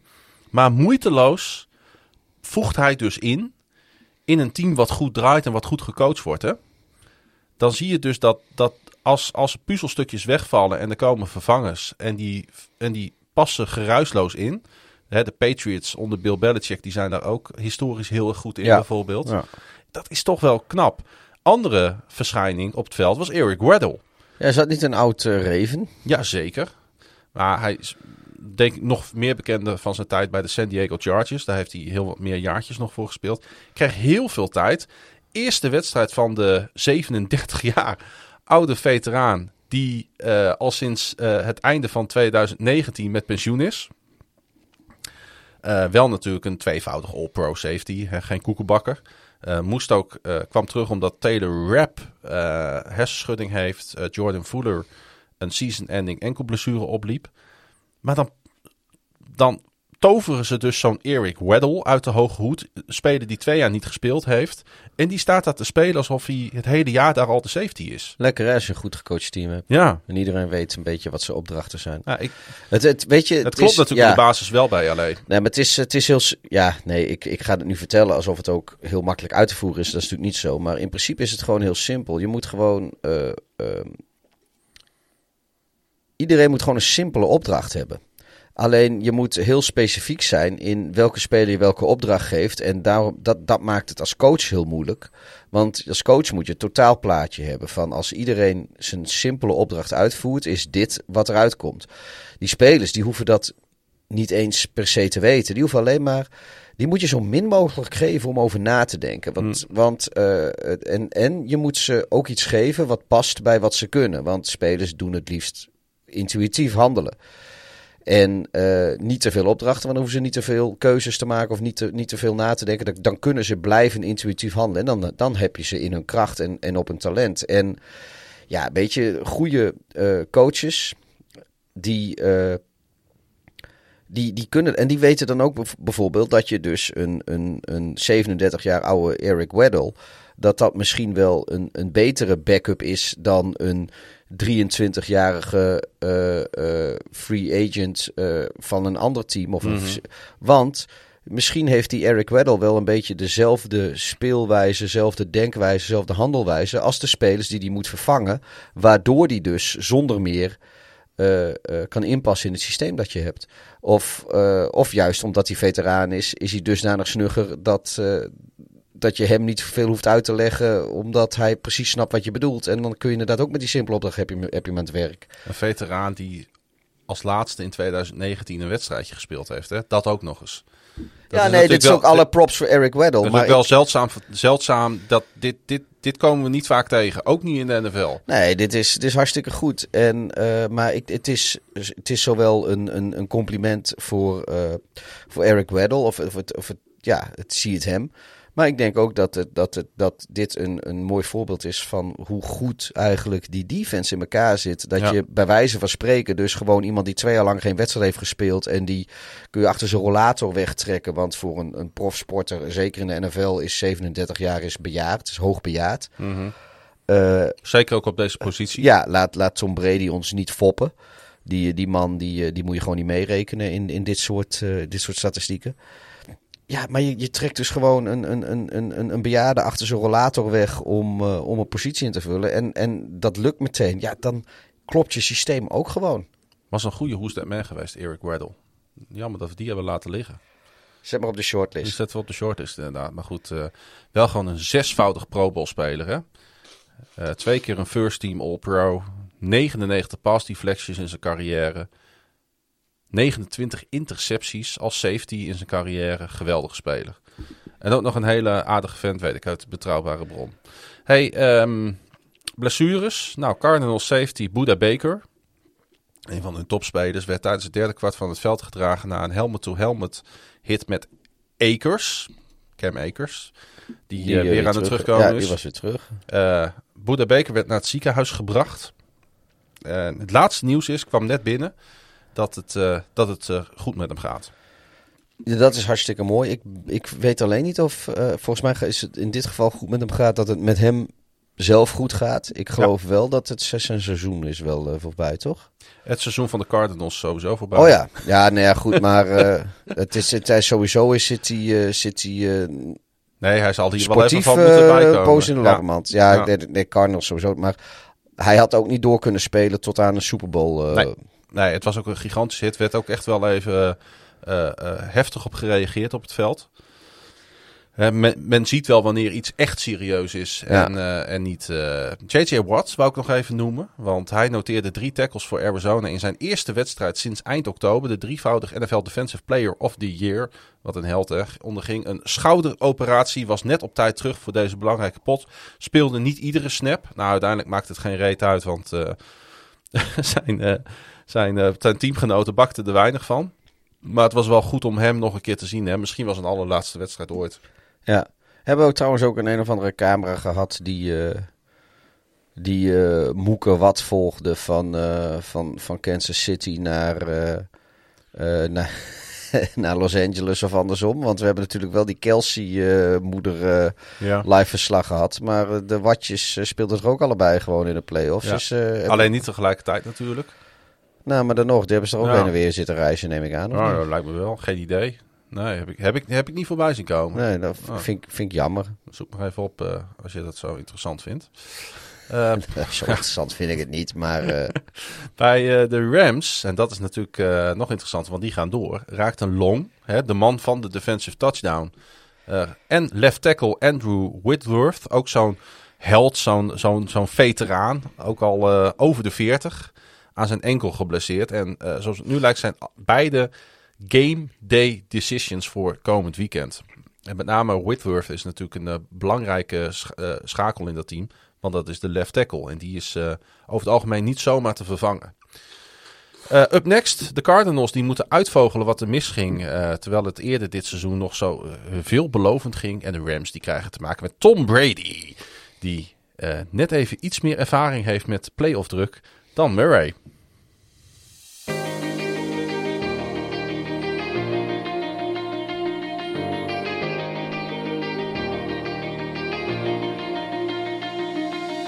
Toen de klok op nul stond, hief Tom Brady zijn armen in de lucht, draaide zich om naar het publiek en gooide een bal de tribune in. Terecht natuurlijk.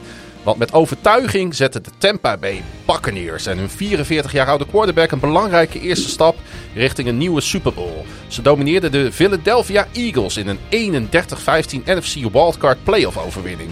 Brady zal zich realiseren dat het vanaf nu wel een stukje lastiger wordt, maar het doel is duidelijk back-to-back -back titels winnen. Iets wat Brady al eens deed met de Patriots in 2003 en 2004. Ja, uh, easy peasy hè, voor de Buccaneers. Easy peasy lemon squeezy. Ja, die uh, vanaf het begin het tempo aangaven, het wedstrijd dicteerde. Brady gelijk met twee lange touchdown drives, want daar zat wel volgens mij een bepaalde uh, tactiek achter. gelijk zijn team op 14-0 zetten.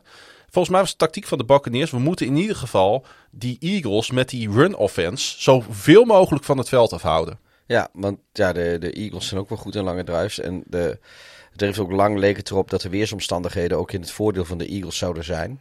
Harde wind. Uh, ja, maar... Uh, het stond gewoon 17-0 bij rust, hè? Ja, en ja, maar kijk, weet je, Tom Brady heeft natuurlijk het grootste deel van zijn, van zijn NFL-carrière heeft hij daar in, uh, in Foxborough gespeeld. Nou, niet of het daar geen mal weer kan zijn nee. wat, uh, wat wind en zo betreft. Tuurlijk. Dus die is, die is wel wat gewend. En um, ja, de Eagles kwamen gewoon op alle fronten tekort. Maar goed, het was voor hun een soort onverwacht toetje. Ja, maar het is dan wel leuk als, er, uh, als, als het ook een lekker toetje is. En dat was het natuurlijk totaal niet. Uh, Tom Brady gooide voor rust uh, zijn team dus al naar een 17-0 voorsprong. Um, in totaal is Brady nu 35-11 in postseason. En hij, heeft dus al 46 postseason starts op zijn naam staan. Ja, dat is een, een, een mind-blowing st statistiek is dat, hè.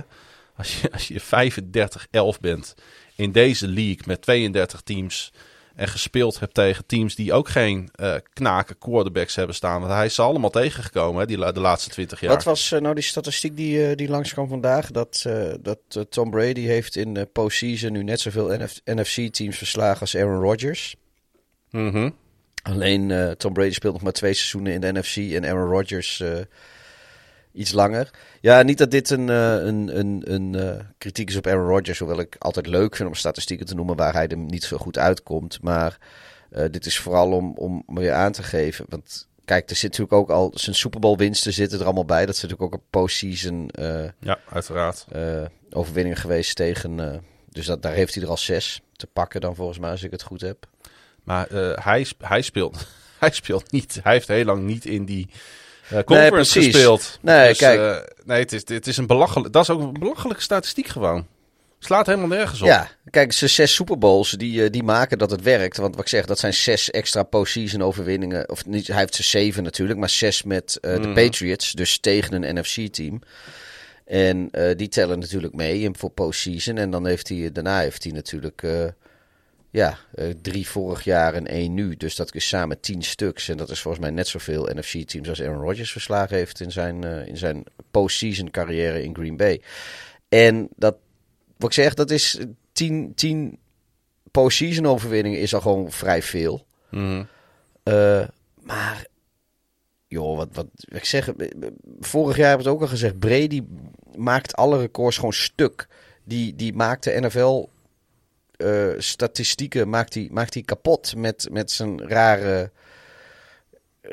rare onverslaanbaarheid of zo. Ja. Ik, was, ik, ik, terwijl ik hem, ja, eigenlijk zou ik hem moeten haten, maar ja, ik, ik kan het niet.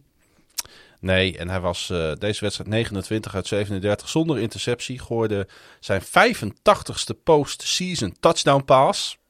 Nog zo'n uh, mind-blowing statistiek. De Bucks waren kort weet, ja, weet, weet, je hoeveel quarterbacks er zijn geweest die volgens mij nauwelijks 85 touchdown passes in regular season gegooid ja, hebben? precies. En hij heeft zijn postseason. Doe normaal, man. Ja, de Bucks die uh, waren volledig in control, lieten de GOAT wel verrassend lang staan. Weer, hè? Ik vind dat toch een risico. Uh, uh, hij zal daar zelf ook natuurlijk iets over te zeggen hebben. Als Brady denkt van ik ga lekker het vierde kwart op de bank zitten, dan zal niemand hem daar op aankijken. Wat, wat vind jij daarvan? Dat de Buccaneers niet de keuze maken om in de wedstrijd die al lang gespeeld is, hem van het veld te halen? Ja, ik denk echt dat dat een keuze is van Brady zelf. ik, ik, hij is 44. Met zijn staat van dienst laat je volgens mij dat soort dingen niet meer door het team opdragen. Maar ik vind het inderdaad, hij neemt wel risico's. Hij is volgens mij vier keer gesekt door de Eagles. Ja, uh, klopt. De, ja, er zal maar wat gebeuren, weet je. Je zal maar even een, een enkel bandje, uh, ook, al, ook al verzwik je je enkel ja, alleen maar. Een, ik wou zeggen, het kan ook een kleine blessure zijn. Komend weekend moet je er gewoon weer staan, hè? En dan uh, tegen ja, de LA Rams. Nee, maar het lelijke is ook. Ja, kijk, en het lelijke is ook gewoon. De, de, waarschijnlijk is het dan niet eens een Eagle-speler die jou blesseert. Waarschijnlijk is het dan een. Een van je eigen In- linemen die op je voet valt of Ja. zo, weet je wel. Dat soort dingen gebeuren. Dat. En aan de andere kant, ja, weinig quarterbacks met betere pocket pressures dan Brady. Dus misschien heeft hij zelf ook zoiets van, joh, dat heb ik zelf allemaal onder controle. En ik neem nog een beetje avocado-olie. Het zag er in ieder geval heel relaxed uit Ja. allemaal. Want na rust vond hij Gronkowski wide open in het midden van de endzone voor 24-0.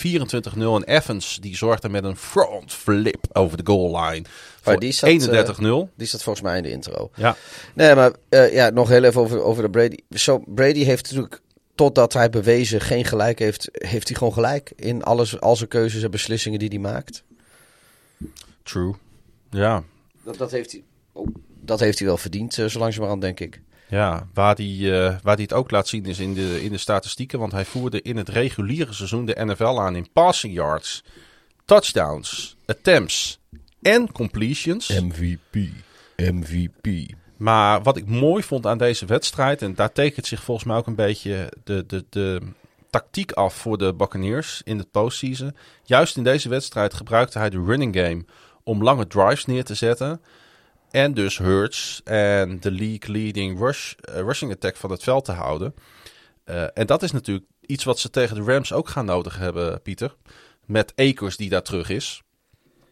Ik denk dat ze, dat ze op dezelfde manier denk ik, die wedstrijd moeten aanvliegen. Ja, ik denk wel dat, uh, dat, de, dat de Rams wat meer dual threats zijn. Want, uh, nee, tuurlijk.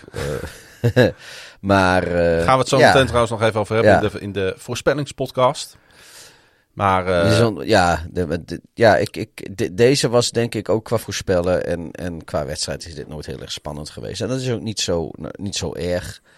nee. Eh, de Eagles, die, die, ja, ik zei het net al. Tuurlijk hoop je gewoon als, eh, als neutrale kijker en zeker als Eagles-fan dat, dat, dat, dat je meedoet, dat je competitief bent in zo'n wedstrijd. Maar dit was gewoon een toetje die ze speelden en uiteindelijk zit het er dan niet in. En nou ja, ik denk ook dat de meeste Eagles-fans de schouders ophalen en, en eh, vol vertrouwen uitkijken naar het volgende seizoen en, en niet te lang stilstaan bij dit verlies.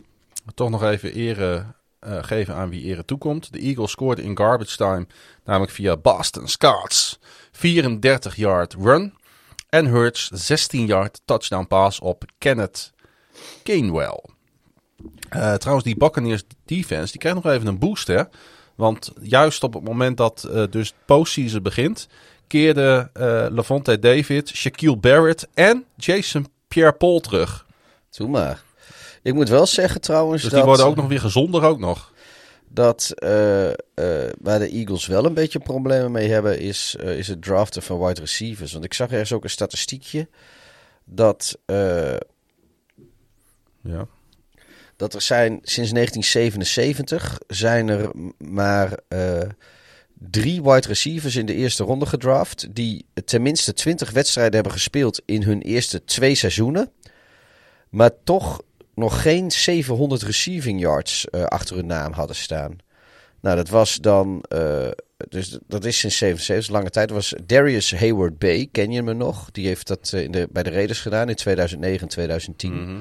Maar die andere was in 2015 en 2016. En volgens mij is dat echt bij de. Als dat moet bij de Eagles geweest zijn. Dus Nelson Agolahor. En nu dus Jalen Rager in 20 en 21 ook weer bij de Eagles. Hm. Die. want die Jalen Rager, dat, dat valt die even, even weer smerig tegen. Dat is echt gewoon. Nou ja, Marijn die eh, liet dat ons, ons ook weten. Die zei, zouden jullie, zoals Jalen Rager, ook twee punt returns compleet verpesten? Doen jullie dat beter? Nou, het antwoord daarop is nee. Ik zou als de dood zijn voor het eh, returnen van kicks en punts. Nou ja, ik, het laatste wat ik sowieso, zou doen. als ik, als ik vanaf de zijlijn daar, daar naar de achterlijn moet lopen en dan ook nog naar die bal moet kijken en dan heen en weer moet gaan lopen om te kijken waar die gaat landen. Tegen tijd die bal bij hem is, ben ik back af. Dan sta ik met mijn arm te zwaaien en dan doe ik een stap opzij en dan eh, vind ik het wel best, joh. En dan ga ik daarna naar de kleedkamer en dan zeg ik, eh, doe mijn blik Miller Light, ik ben er klaar mee. Ja, zo zou ik het ook ongeveer doen. Ehm, eh, ja, We zijn niet van die atleten. nee. We, we- ja, we zijn ook meer, eh, daarom maken we ook een podcast en geen, geen, geen talkshow eh, op tv. Eh, het is wel waar inderdaad. En Jalen Rager valt inderdaad behoorlijk door de mand. Ik vond het. ik wil toch nog even over de run game hebben van de Eagles. Ehm, want de Eagles verdienen dus een zevende seed en dus playoffs door vier van hun laatste vijf wedstrijden te winnen. Juist in de wedstrijd eerder dit jaar tegen de Buccaneers kozen ze voor een strategie met veel rennen. Dat die wedstrijd eh, eh, eh, in de tweede helft gingen ze dat opeens doen en hielden ze dat de wedstrijden daarna vol. De Eagles renden Namelijk voor tenminste 130 yards in de negen wedstrijden na die ontmoeting. Dus na die wedstrijd met de Buccaneers in het reguliere seizoen. Inclusief zeven op een rij met meer dan 175. Hurts die voerde zijn eh, team aan met 784 yards. Werd de achtste quarterback in NFL history die voor meer dan 3000 yards scoorde en meer dan 750 Hurts rende. heeft dus voor meer yards gerend dit seizoen dan Jalen Rager in twee seizoenen heeft gereceived. Ja. Even, even nogmaals Nee, om dat in perspectief te plaatsen. Maar ehm, het, het- wat die Eagles die hadden natuurlijk ergens wel een soort van gameplan bedacht.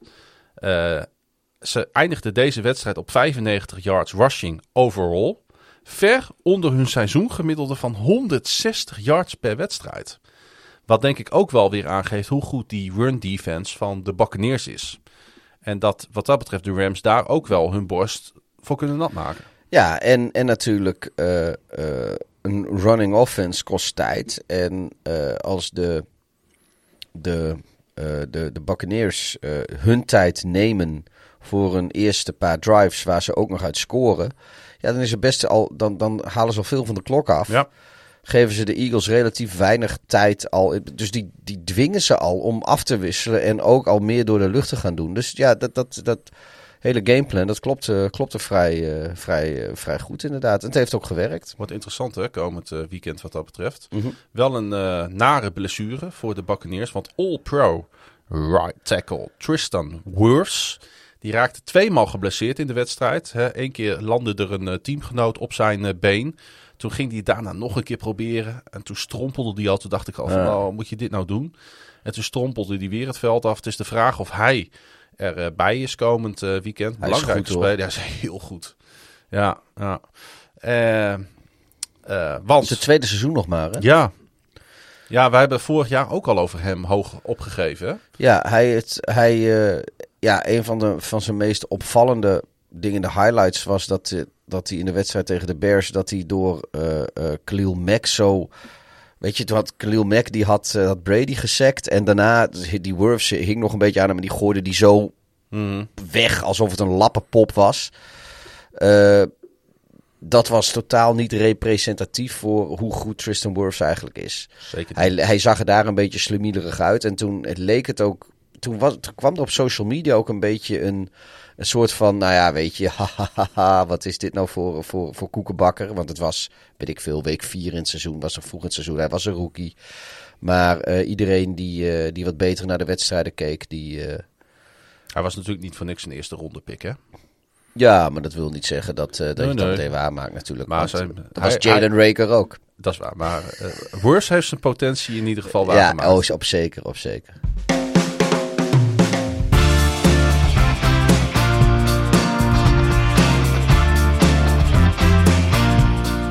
Ja, chaotisch en vermakelijk van alle wedstrijden afgelopen weekend was 49ers het Cowboys in alle opzichten de wedstrijd. Debo Samuel rende 26 yards voor een touchdown en een comfortabele voorsprong in de derde kwart. Dallas kwam daarna nog dichtbij een comeback, maar mede door eigen fouten lukte dat niet. Het was de eerste playoff overwinning ooit van San Francisco in Dallas.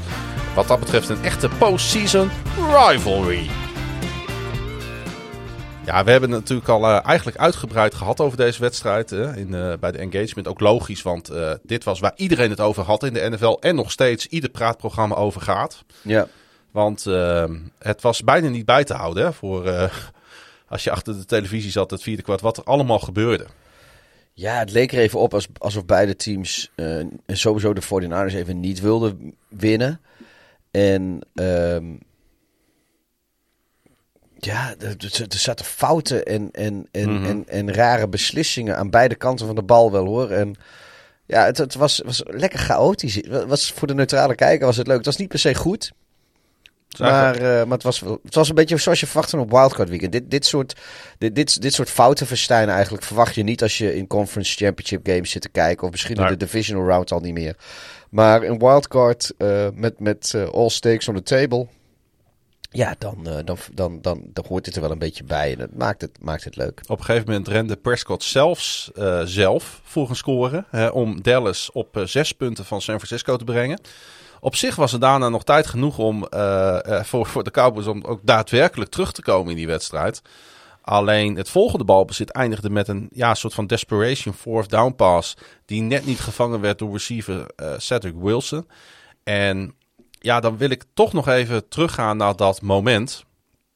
Want hoe ontstond dat nou? Nou, ehm, door onder meer een veertiende penalty van het team. Dat sowieso al het most penalized eh, was in het reguliere seizoen. Dus Dallas zorgde ervoor dat eh, de 49ers een groot deel van de klok konden opeten. San Francisco kwam inches tekort voor een game-winning first down.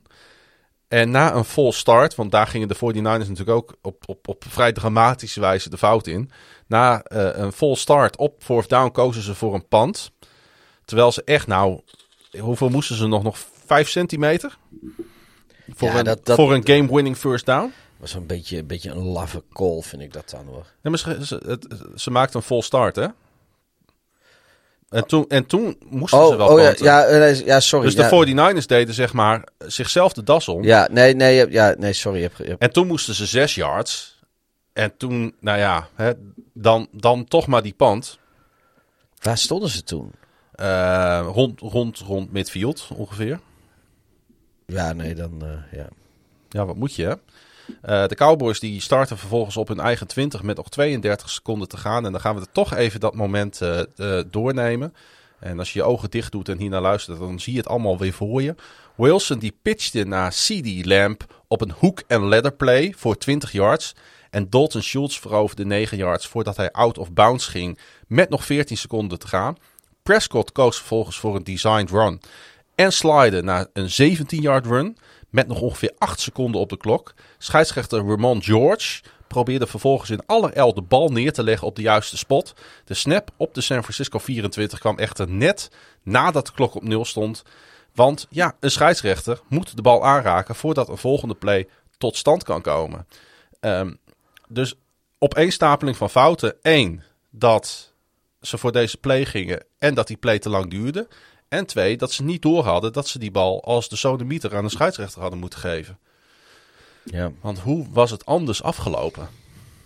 We zullen het nooit weten. Maar ik heb wel Nee. genoten van deze wedstrijd. Ja, nee, sowieso. Je voelde in alles dat ondanks dat de 49ers natuurlijk eh, de hele wedstrijd het semi onder controle hadden. Je voelde, tenminste ik wel, ik had de hele wedstrijd het idee dat, dat Dallas nog wel eens terug zou kunnen komen. Zeker in die playoff atmosfeer daar in AT&T Bank. AT&T st- Stadium moet ik zeggen. Het is Ja, M&T jij- Bank. AT&T Stadium en het is M&T Bank. En Lincoln Financial. Ja. Maar ehm, ja, nee, ik dacht, ik dacht eigenlijk ook van, van ze komen nog wel terug. En ehm, het, het leek er ook inderdaad even op. Ja, en, en die, die laatste play call. Of los van het feit of de call eh, goed was, dat de uitvoering ook niet klopte. We hebben dat inderdaad eh, in, in het begin bij de engagement even uitvoerig besproken. Maar eh, Genoeg ja, ik, blijf het, ik blijf het zonde vinden. Ik had eigenlijk, Mhm. had ik liever, ook als neutrale kijker, had ik liever gezien dat, dat de Cowboys nog een keer een shot hadden. Met, met, een, met één seconde op de klok of zoiets. Zo vanaf, nou wat was het, het 24, 23? 24. Ehm, gewoon nog één shot op de endzone. En als het lukt, dan lukt het. En als het niet lukt, dan niet. Dan had ik... Weet je, dit was ook wel spektakel. En dit is, weet je, wij, wij gaan hier goed op. Je kan hierover praten. Ja, je kan hier... eh, drama tot en met natuurlijk. memes over maken. En tot in de treuren zullen Cowboys fans dit aan moeten horen. Maar, en, en dat is allemaal hartstikke leuk en aardig. Maar liever had ik gewoon een play gezien die wel of niet gelukt was. Die de wedstrijd had beslist. Ja, nu is dit eigenlijk ook een play die niet lukt. En daardoor de wedstrijd beslist. Maar je snapt wat ik bedoel. Ik had liever een, Ja. een echte do-or-die eh, pass vanaf... eh, nou, wat is het? Net buiten de red zone inderdaad. De 24 yard line. Dat had ik liever gezien. San Francisco verloor vlak voor rust star pass rusher Nick Bosa met een hersenschudding. Hij kwam ongelukkig in botsing met teamgenoot DJ Jones. De 49ers wisten echter ook zonder Bosa regelmatig druk te krijgen op Prescott. Ze eindigden met 5 sacks en hielden de NFL's number one offense op 307 yards. Nou, dat is toch eh, een hele eh, prestatie.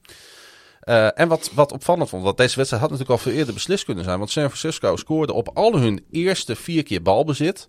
Maar drie keer uit een Robbie Gold field goal. Ja, nee, dat, de, de, ze haalden nooit echt de trekker over, Nee, de Niners. precies. En dat is, eh, daardoor werd het ook weer spannend. Juist. Maar eigenlijk vind ik ook gewoon, en ehm, nee, weet je, ik, ik wil vooropstellen dat San Francisco heeft deze wedstrijd uiteindelijk terecht gewonnen.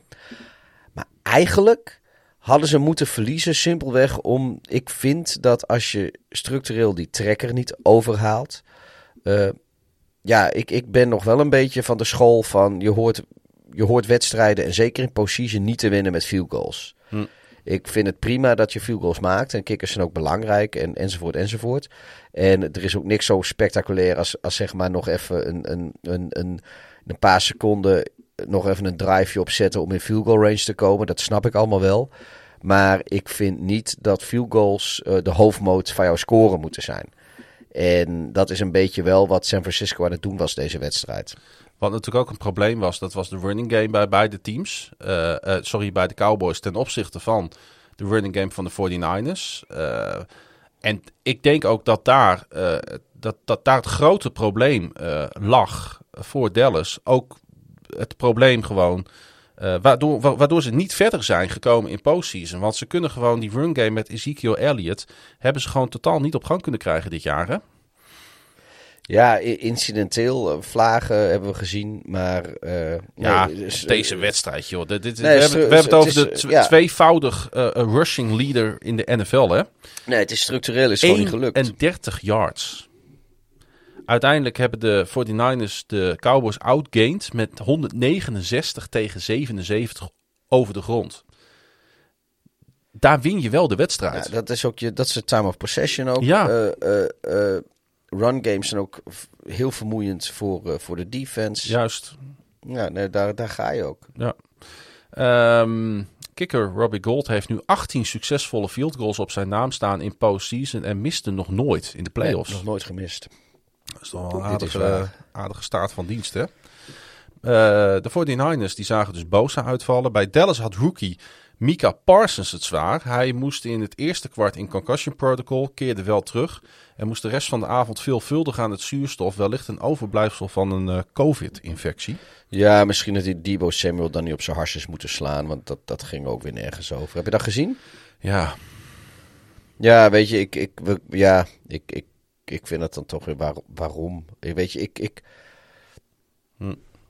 Weet je, NFL, dat is een sport van gecontroleerd geweld. En eh, dat moet het ook blijven. En op het moment dat spelers, zeg maar, de controle verliezen... mhm.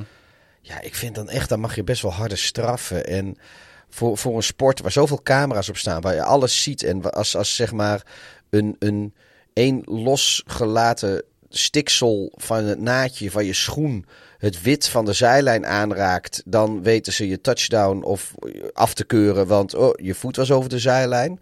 Maar als je speler op zijn bakkers rost, Mhm. dan kom je er met, een- met een paar duizend euro boete vanaf na de wedstrijd pas een keer. En dan denk ik, eh, doe normaal. Want op die manier hou je het ook in stand dat dit soort dingen gebeuren. En nou ja, ik, ik, ja, eh, het heeft gewoon geen plaats, vind ik. Ik bedoel, de, de kunst van, van een goede American voetbalspeler zijn is dus dat je het geweld controleert en het, het eruit laat komen op de momenten dat het mag binnen de regels van de sport. Ja. En, als, en ik, ik snap wel dat, dat de emoties hoger op kunnen lopen. En in sommige gevallen za- zal er ook heus wel eh, iets meer dan een simpel duwtje worden uitgedeeld. En je hoeft niet bij, bij alles meteen eh, spelers het veld uit te sturen. Maar dit was gewoon eh, bij, een, bij een touchdown. En het was gewoon een soort blindside hit, zomaar uit het niets. Het was, een, het was gewoon een soort headhunting, eh wraakactie op iets wat eerder in een wedstrijd is gebeurd of wat dan ook. Maar ik vond het echt uncalled for. Het zag er heel raar uit. En eh, dat, dat zijn dingen die wil je gewoon. Het is te vergelijken met gewoon heel lelijk natrappen in voetbal. Gewoon, weet je. Het, gaat nergens over. En ja, in voetbal is natrappen direct rood. En ik vind, zeker bij het bestuderen van de camerabeelden, moeten dit soort dingen in NFL ook gewoon op ejection oprotten. Terecht. Mooi pleidooi.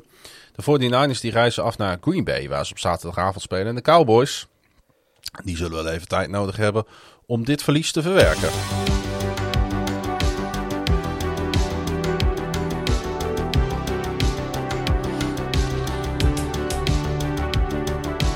Ja, de Chiefs die kwamen maar eh, traag op gang. Dus besloot coach Andy Reid een trickplay te callen. Receiver McCall Hartman die ontving een eh, shotgun snap en deed een handoff op running back Durrell Williams. Het ging helemaal mis. TJ Watt pikte de bal op en returnde de fumble voor een touchdown. Even leek het erop dat de Steelers een route hadden gevonden naar een upset op Arrowhead. Maar het tegenovergestelde gebeurde. Chiefs quarterback Patrick Mahomes schrok wakker en leidde zijn unit zes keer op rij naar de endzone na die turnover. Wat leidde tot een 42-21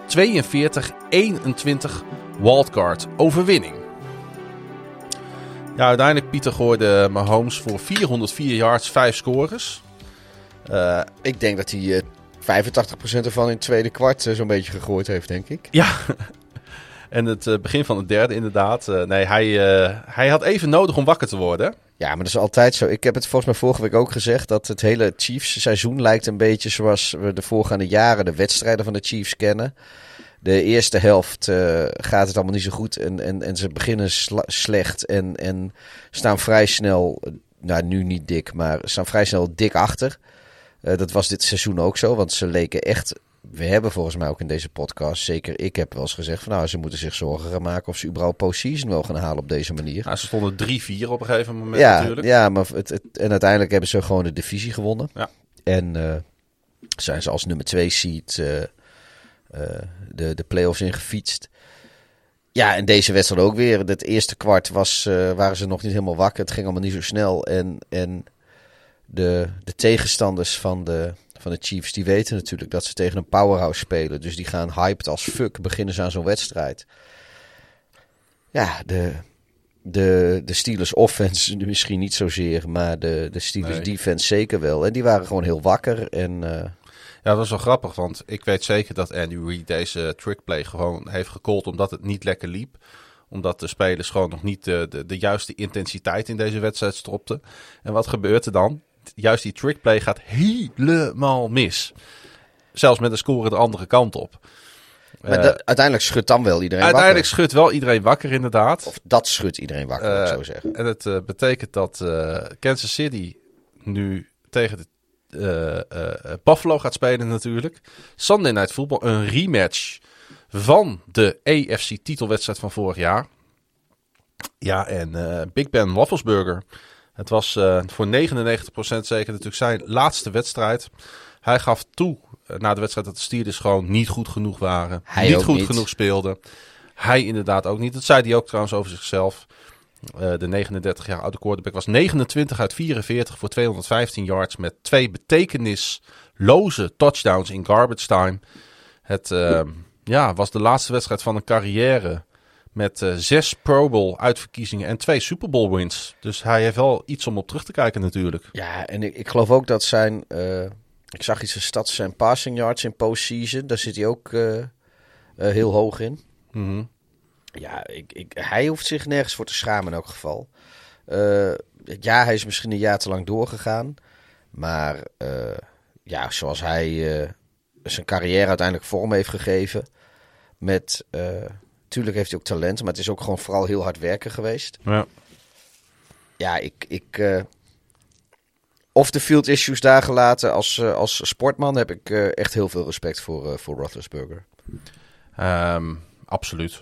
Ja, en dat, dat hebben we ook eigenlijk gedurende het seizoen steeds gezegd. Alleen het was wel een beetje jammer dat we daar steeds zeg maar, op terug moesten vallen. En dat hij het gewoon dit jaar niet meer kon laten zien. Ondanks natuurlijk dat ze op miraculeuze wijze wel het postseason gehaald hebben. Hey, nog even terug naar het moment zeg maar, dat die voorsprong voor de Steelers op het bord stond, die 7-0. Want al bij het eerstvolgende balbezit complete Mahomes zes passes op rij. En sloot hij een 76 jaar drive af met een vernuftige underhand flick op McKinnon. Op de volgende drive vond hij de viervoudig Pro Bowl quarterback, eh, vond hij Pringle in de hoek van de endzone. En eh, de Chiefs gingen de rust in met een 48 yard touchdown strike van Mahomes op Kelce. En dat allemaal in minder dan zes minuten. Ja, ik geloof dat het uiteindelijk 10 minuten nog iets geduurd heeft voor hem om vijf touchdowns te gooien. Ja, Eh, Als je het begin van derde kwart ook even meerekent. Ja. En ja, laten we zeggen dat is gewoon zeg maar twee, twee minuten nog iets van de klok per touchdown. Vijf touchdowns op rij. Laten we even normaal doen. Dat, dat, of nou, dat, dat is niet normaal. nee, want het werd Dat is, dat is een beetje weer die Mahomes zoals we, eh, zoals we hem kennen. En zoals we aan de ene kant wel een beetje van hem houden. Maar aan de andere kant zoals ik ook wel een beetje haten. Omdat hij de spanning een beetje wegneemt uit de NFL. Maar het is ook een beetje eng, hè? Dat je gewoon weet dat hij, als hij die motor aanzet, dat hij het ook iedere keer wel laat zien.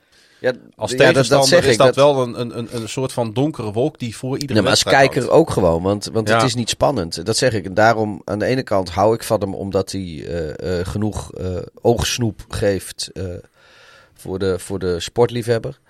Maar aan de andere kant haat ik hem omdat hij eh, alle competitie een beetje, beetje wegneemt als hij in deze vorm is. En dat is voor de sportliefhebber ook weer niet leuk. Want ja, nou ja, goed, je hebt, je hebt twee soorten sportliefhebbers. De ene die ziet liefst gewoon hoe een sport perfect wordt uitgevoerd. En eh, eh, dat dan degene die het, het perfect uitvoert, dat die steeds wint. En dat zijn dan de mensen die bijvoorbeeld Schumacher-fan waren in de tijd dat hij de Formule 1 domineerde. Of weet je Tom- Messi. Tom, Tom Brady speelt ook zo. Messi. eh, ja, maar Tom Brady is nog wel. wel eh, weet je, die, heeft, die verliest ook vrij veel. Hij komt altijd heel ver. Maar eh, hij heeft ook. Hij heeft Tom Brady heeft. eh, hoeveel Super Bowls heeft hij verloren? Ja, maar kom op. Vier? Vier? Ja, maar, ja, maar dat is toch logisch? Niemand heeft meer Super Bowls verloren dan Tom Brady. Ja, kom op, Pieter. Nee, nee, nee, nee, maar ik bedoel... eh, ja, ik, ik, ik, ik weet niet. Het is, het, het is eh, op de een of andere manier verwacht ik van, van Mahomes spectaculaire shit. Van die, van, die, van die aap uit de kont-achtige oplossingen, weet je. Tom Mhm. Brady is gewoon nog als quarterback vrij conventioneel. En als die gewoon... Van Tom Brady weet je ook gewoon, als, die op, als je die op een bepaalde manier... Maar dat- dat- in een wedstrijd dus zit. ook, ja, als hij op een bepaalde manier in een wedstrijd zit en het zit hem niet mee. Weet je, hij, is, hij staat onder druk. Hij heeft niet de tijd in de pocket en hij heeft niks.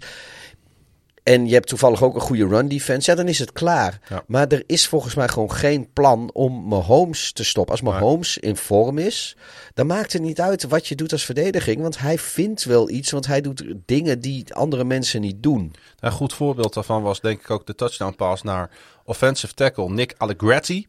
Eh, de in Chicago geboren guard werd in 2019 in de zevende ronde als 216e pick gekozen.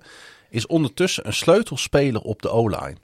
En ik vond ik vond het wel mooi om, om weer eens bij stil te staan hoe je op de lines, zeg maar, draft ca- capital in de latere rondes eh, kan vinden. Ja, nou ja, kijk, eh, traditioneel zijn skillposities eh, de hoogst gedrafte posities en, en eventueel left tackle. Dus ja, de, de, de linemen die, die vallen lager. En er gaat natuurlijk ook altijd enorm veel diepte. Moet je, je, je moet vooral diepte hebben. Want er gaan, zijn er heel veel blessures op het algemeen op de O-line. Omdat eh, eh, die, eh, ja, die spelen allemaal op elkaars lip eigenlijk. En nou ja, wat je dus ook zag bij Tristan Wirfs van de Buccaneers. En wat ik ook zei, wat je dan eventueel kan vrezen voor Brady. Waar die mensen voor, voor- voornamelijk geblesseerd raken. Is dat iemand anders op hun voet valt. Of, of dat ze eh, iemand tegen hun aanvalt. Terwijl ze eh, een voet op een rare manier gepland hebben. Waardoor die overstretched wordt of wat dan ook. Gewoon de, de positie en de manier waarop ze spelen zorgt voor veel blessures. En juist bij de O-line is het dan zo dat, dat ja, daar heb je heel veel spelers die meteen een kans krijgen zeg maar, om zich te laten zien als backup. Want eh, nou is dit trouwens ondertussen geen backup meer, hè? Nee, nee, nee, nee, maar ooit, Mm. ooit zo is je er wel ingekomen. Kijk, Ja. je gaat niet iemand eh, dan daar draften om, om daar het seizoen mee te beginnen. Eh, maar het mooie is dat, dat de mee, heel veel NFL-teams beginnen al met, met backup spelers op de O-line voordat het seizoen überhaupt begonnen is, bij wijze van spreken. Dus als er, als er één positiegroep is waar je als backup de kans hebt om je, om je veel en vaak te bewijzen, dan is het denk ik denk ik op de O-line. Puur anekdotisch eh, is dit allemaal hoor. Mhm. Maar eh, dat, is- dat is gewoon. Dus ja, ik vind het ook mooi dat dat dan lukt. En ook voor zo'n jongen. Zeker. Ah, Een vraagje van Arjan. Hoeveel vuurwerk zouden jullie inslaan voor de volgende Chiefs game? Want ook Hill kreeg uiteindelijk zijn touchdown. Ehm, het gevolg trouwens van een verloren fumble van Steelers rookie running back Najee Harris. Zijn eerste laatste van het seizoen. Ja, die eh, vraag van Arjen is natuurlijk vanwege dat bericht op die eh, jum Jumbotrons in het stadion. Dat, ze, dat de Chiefs Ja. excuses aanboden. Want ze hadden geen eh, touchdown celebration vuurwerk meer. Omdat er zoveel touchdowns gemaakt waren. Want inderdaad, toen Kelsey ook nog eens een touchdown pass gooide. Ja, die zat in de intro trouwens. Dat was dan wel, ja klopt, dat was wel weer sneu. Want juist bij zijn touchdown pass was het vuurwerk op. Ja, ene kant is, is geloof ik dat meteen. Aan de andere kant, weet je, het is ook, ik geloof ook wel dat het er niet was hoor. Maar het is natuurlijk ook een leuke marketing gimmick. Ja.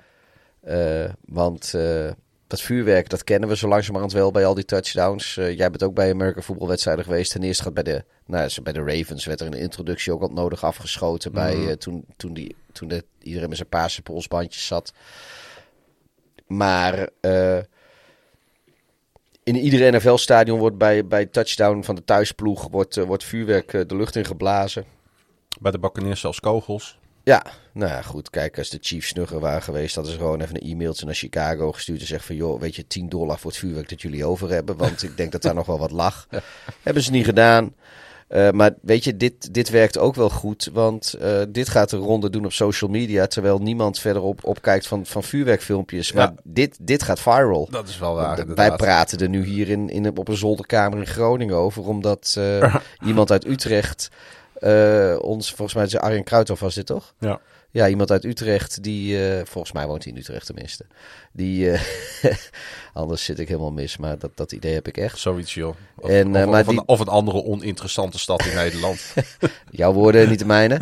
Maar om, omdat dus duizenden kilometers verderop praten die mensen hierover. Om, dus ja, ik, ik, ik, ik geloof enerzijds wel dat het op was. Anderzijds geloof ik, geloof ik ook wel een beetje in, in, in dat het niet helemaal per we, ongeluk... we- we eh, hebben het er al te lang over. Hey, blessures. De Steelers die zagen hun ego ernstig ingedeukt worden. En bij de Chiefs liep eh, cornerback Richard Fenton voor de wedstrijd een schouderblessure op. En running back Clyde Edwards-Helaire deed sowieso niet mee met een schouderblessure. Up next. De Steelers die moeten gaan uitvogelen hoe ze hun long-time starting quarterback gaan vervangen. En de Chiefs die ontvangen zondag de Bills dus voor een rematch.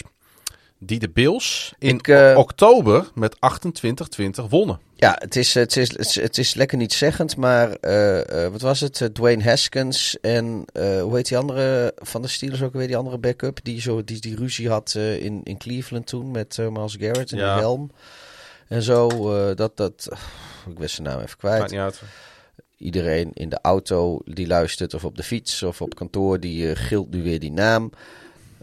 In elk geval, volgens, eh, volgens Mike Tomlin krijgen, ze, krijgen die allebei een fatsoenlijke eerste eerlijke kans om mee te dingen met waarschijnlijk een eventuele nieuwe quarterback die daarbij gehaald wordt. Eh, ik denk dat wij dit offseason nog, eh, nog in ieder geval een aantal uitzendingen, hoop ik, lol gaan hebben van speculeren over wie er naar eh, Pittsburgh zal gaan als quarterback. Want ik denk dat zij zich wel gaan roeren op de free agent markt. Want Dat had toch met, dat had toch met Mason Rudolph te maken, die backup Oh, Ma- quarterback? ja, Mason Rudolph, dat, dat is die ik bedoel. Ja. Dwayne Haskins, die zit daar. En Mason Rudolph zit daar nog steeds. Die twee, die oh, dat gaan... bedoel je. Sorry, oké. Ja, ik kon, ik kon niet op de naam Mason Rudolph komen. Oh, ja, de backup, de Mason Rudolph is op dit Ja. moment. Dat, dat zou Nou, op dit moment is dat de eerste quarterback van de ik dacht. Dwayne Haskins op dit moment. Nee. Maar in ieder geval, Dwayne Haskins zit daar wel. Ja. Eh, Haskins en Rudolph, die, eh, die moeten onderling gaan uitmaken. eh, of niet onderling, maar die gaan met een, waarschijnlijk met een nieuw aan te, aan te nemen quarterback. En ik heb wel zin in het eh offseason. Want ik hoop dat de Steelers niet, niet direct al naar de Super Bowl iemand aannemen. Want ik, ik heb eigenlijk wel zin om daar een paar afleveringen over te speculeren. Maar Mhm. op dit moment eh, staat mijn geld op Mitchell Trubisky. Oké. Genoteerd eh, voor de voorspellingspodcast alvast, hè?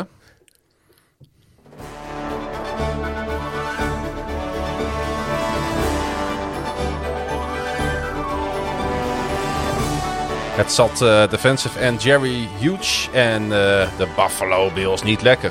De vernedering eerder dit seizoen in eigen stadion tegen de Patriots. Afgelopen weekend lieten ze zien dat er geen enkele twijfel bestaat over wie op dit moment de basis in de AFC East. Josh Allen noteerde een team playoff record met vijf touchdown passes, waarvan twee op Dawson Knox en Dev- Devin Singletary. Toch al lekker in vorm de laatste tijd rende nog voor rust twee scores binnen. De basis voor een 47-17 overwinning van de Bills. Ja, die Hughes die was natuurlijk eh, onderdeel van een defensie die eh, een eind maakte aan Mac Jones' eh, rookie seizoen. Door hem twee keer te intercepten, drie keer te sacken en hem te limiteren tot het gooien van twee, ja, laten we het maar mean-nothing touchdown passes in de tweede helft eh, noemen. Toen de wedstrijd al lang gespeeld was. Ja, En het was wel grappig, hè, want die Bills, eh, er was veel over te doen natuurlijk. Heel veel, wij hebben het er ook al over gehad. Iedere keer als het over deze wedstrijd gaat en ging, ging het ook over die andere wedstrijd, hè? In, in dat slechte weer. Ja, nee, dat klopt. En eh, ook in onze voorspellingspodcast was dat het geval. En eigenlijk iedereen. En dat is ook logisch, want dat was, was de, de recentste wedstrijd tussen die twee. Met dezelfde personeelsgroepen in misschien wel vergelijkbare omstandigheden. Dus ja, dan is het heel logisch dat je dat aangrijpt om, eh, om te ref- ja, dat, dat je daarop reflecteert om, om, om te gaan Ja. voorspellen wat, eh, wat er deze keer gebeuren zal. Ah, die defensive end, die Hughes, die had eh, eh, geen goed woord over voor de manier waarop er over die wedstrijd gepraat werd achteraf. Hij zei er werd disrespectvol over onze defense gepraat. We moesten dus vandaag laten zien wat we waard zijn met het spelen van voetbal. En Nou, dat voor zich laten spreken. Ik, weet je, die Hughes die kan lullen wat hij wil. Maar volgens mij heeft niemand per se disrespectvol, respectloos. Hmm. Eh, ja, nee, ik, ik, ik, ik, hij zal dat gezegd hebben. Ik vind dat, ik vind dat een heel, eh, ik vind dat een raar woord, maar het zal kloppen. Want het, het, het klopt. Maar volgens mij heeft niemand per se commentaar gehad op de verdediging van, eh, van de Bills die wedstrijd. Maar laten we ook niet doen alsof de, de Patriots daar een high-scoring offense hebben, hebben gerund die wedstrijd. Nee. Uh, ons probleem als, als beschouwers van de sport was uh, de aanvallende onmacht van de Bills in die wedstrijd, in die omstandigheden.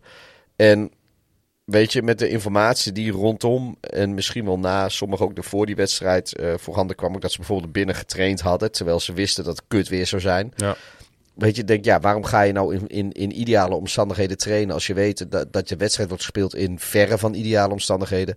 Daar ging de kritiek over. De verdediging hebben wij volgens mij geen kritiek op gehad. En ja, weet je, dat die de rush van de Patriots niet konden stoppen. Dat is niet erg, want dat kan niemand. Dus dat ga ik de Bills defense zeker in een regular season game ook helemaal niet kwalijk nemen. Dus uh, Hughes kan lullen wat hij wil. Maar volgens mij was er niemand die, uh, die respectloos sprak over de defense. Maar hey, als hij daar... Uh, inspiratie en motivatie uit heeft gehaald. Ja. Weet je, Michael Jordan heeft ook wel eens zijn eigen narratief tegen hem verzonnen. Ja. Simpelweg om gemotiveerd te raken om iemand uit een wedstrijd te spelen. Dus hey, als het werkt voor jou, Hughes, jongen, fair play to je en goed gedaan. Henk Kiel die vraagt, uh, ik heb de Bills vorige week uh, zien worstelen tegen de Jets.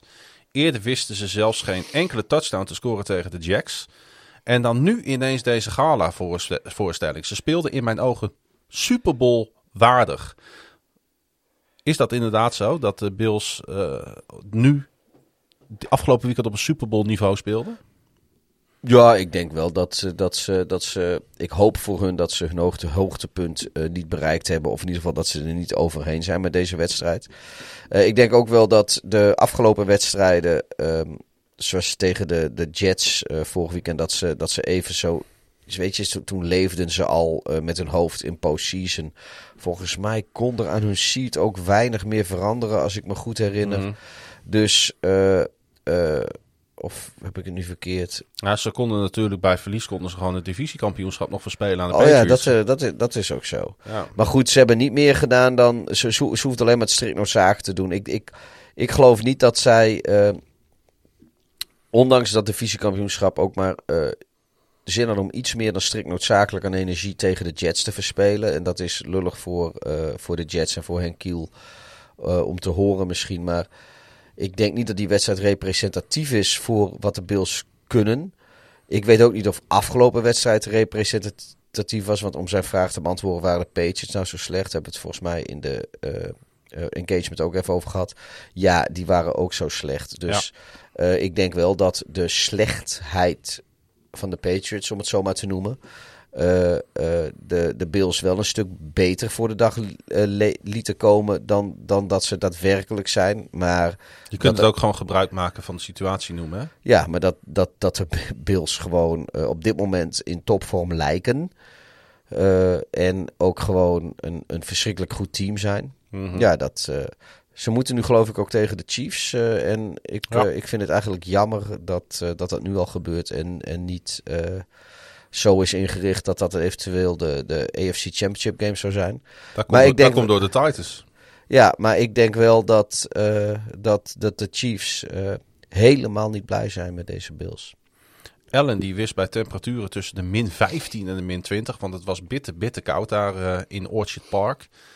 21 uit 25 voor 308 yards te noteren in een wedstrijd waarin Buffalo het eerste team in Super Bowl era werd die in alle zeven keer balbezit tot een score wist te komen in een playoff wedstrijd.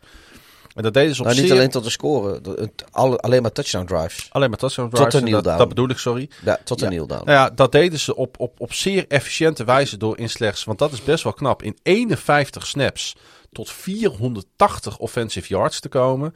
Totdat inderdaad backup Mitchell Trubisky de wedstrijd afsloot met drie kneeldowns. MVP Mitchell Trubisky. Ik wou het zeggen, ja. En uh, het was ook denk ik wel een van de beste kneeldowns die ik gezien heb. uh, in mijn, en, en, ik kijk al best lang NFL, hè. Ik heb, ik heb de nodige gezien. Ik neem even een slokje 0,0 bier. Van Amstel.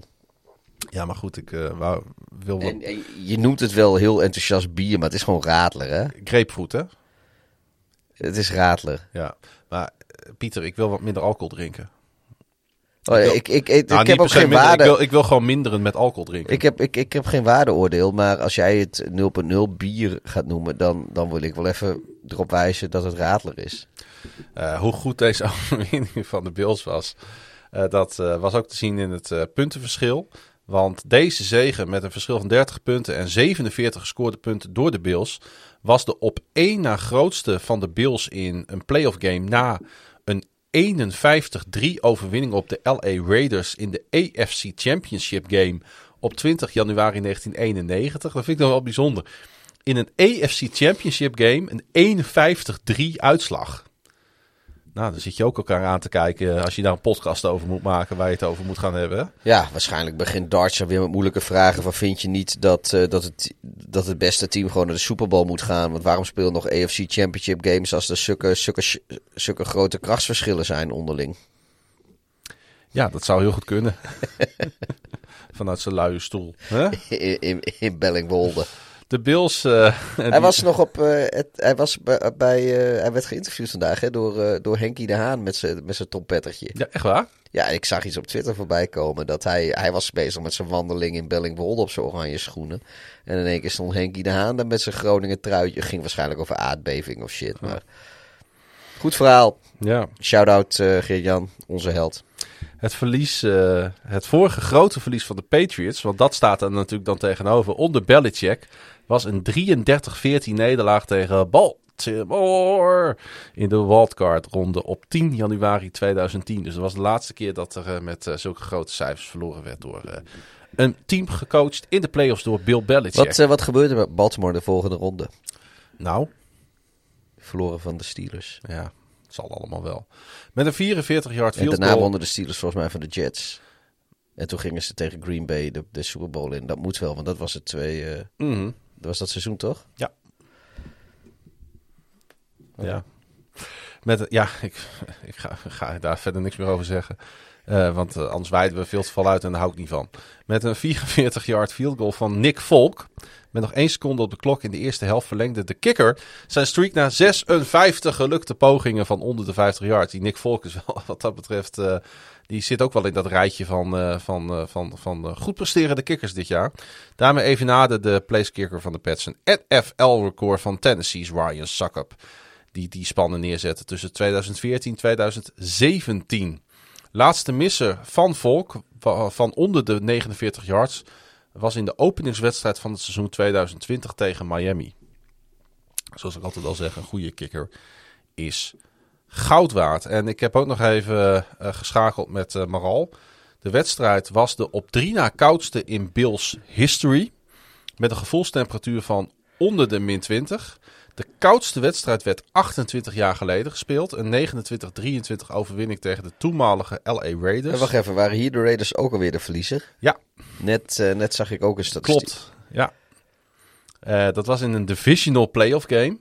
Eh, dat was toen de opmaat naar de vierde Super Bowl deelname op rij van de Bills. Het was toen eh, tijdens de wedstrijd bijna min 20 met een gevoelstemperatuur van min 36. Ik vraag me wel eens af of het dan nog uitmaakt. Hè? Of het nou min 20 of 21 of 18 is. Dat... Ja, dat maakt wel degelijk uit. Want eh, nou, dit, dit, dit zijn een beetje de, de temperaturen die toen. nou, die wa- was bij, bij zo'n bij zo'n Bears Cowboys game. En omdat het op een gegeven in, in de eerste twee kwarten gebeurde het niet. Maar in de laatste twee kwarten bevroor het bier gewoon in de beker. Ja. Dus dat maakt wel degelijk uit hoor. Min 20 of min 35. Tenzij je wil minderen met alcohol drinken. Dan is het weer positief dat je bier eh, bevriest. Of je gewoon van een koud biertje houdt. Precies. Het seizoen van de Patriots is, eh, is over. eh, beste Patriots-fans die luisteren. En de Bills die reizen af naar Kansas City. Nou, niet alleen dat. Ik bedoel, bedoel eh, Jur die is natuurlijk een eh, bekend Patriots-fan. Maar die zat hier natuurlijk in een preview-podcast in de Cardinals shirt. Dus zijn seizoen is dubbel over. Ja. De- die valt pas echt in een zwart gat.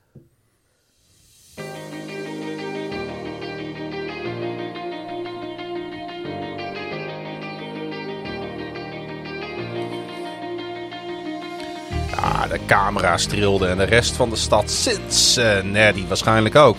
Het is voor een eh, groot deel te danken aan quarterback Joe Burrow, die de Bengals na de eerste playoff overwinning in 31 jaar gooide. Hij gooide twee touchdown passes in een wedstrijd waarin de aanval zes scoring drives voor elkaar wist te boksen.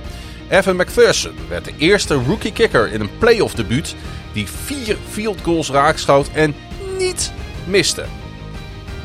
En toch maakten de Bengals het nog uh, onnodig spannend uh, in deze wedstrijd. Hè? Er was een fourth down interceptie van uh, Jermaine Bradford nodig om de wedstrijd in het slot te gooien. wat dat betreft was dit denk ik na 49ers Cowboys de leukste wedstrijd om naar te kijken. In ieder geval de spannendste. Nou ja, ik weet niet per se de leukste. Want ja, zelfs van die shootouts, daar kon ik wel van genieten af en toe. Oké. Okay. Of een shootout, shutouts misschien ja, ja. zeggen. Um, maar ja, ik, het viel me eigenlijk tegen dat, dat de, de Bengals het nog zo moeilijk hadden eigenlijk met de Raiders. Als je tenminste uh, op het veld vond ik ze gewoon echt veel beter bij, bij veel vlagen. Maar ook ze, ze, Hetzelfde, ze straften de Raiders niet af. Een beetje wat hetzelfde de Niners, euvel als de ja. Niners inderdaad. Met ja. vier uh, field goals die dan wel alle vier binnen worden getrapt. Dus uiteindelijk helpt dat je natuurlijk wel aan het benodigde aantal punten om die wedstrijd te winnen. Maar kan je dan achteraf natuurlijk uh, pas constateren. Um, maar natuurlijk, uh, ondanks uh, dat dit misschien niet de statement overwinning werd waar ze op hadden gehoopt. Uh, ja, het is natuurlijk wel nog steeds ongelooflijk knap wat de Bengals dit jaar laten zien. Hè? Ik denk dat,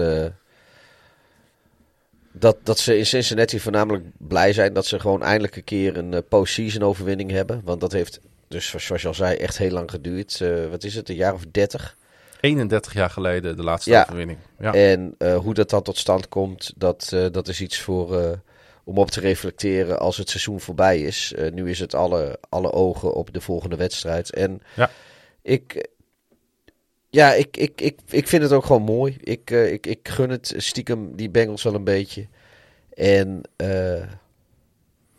ja... Ik zag trouwens dat de laatste playoff overwinning van de Raiders ook alweer dateert uit 2002. Dus die, die hunkerde ook al, alweer heel lang. Ja, na een keer wat ja, succes in de playoffs. Was dat niet, zijn ze niet daarna door de Patriots in de tuck, tuck game van de, de Brady Rule tuck game door de Patriots uitgeschakeld?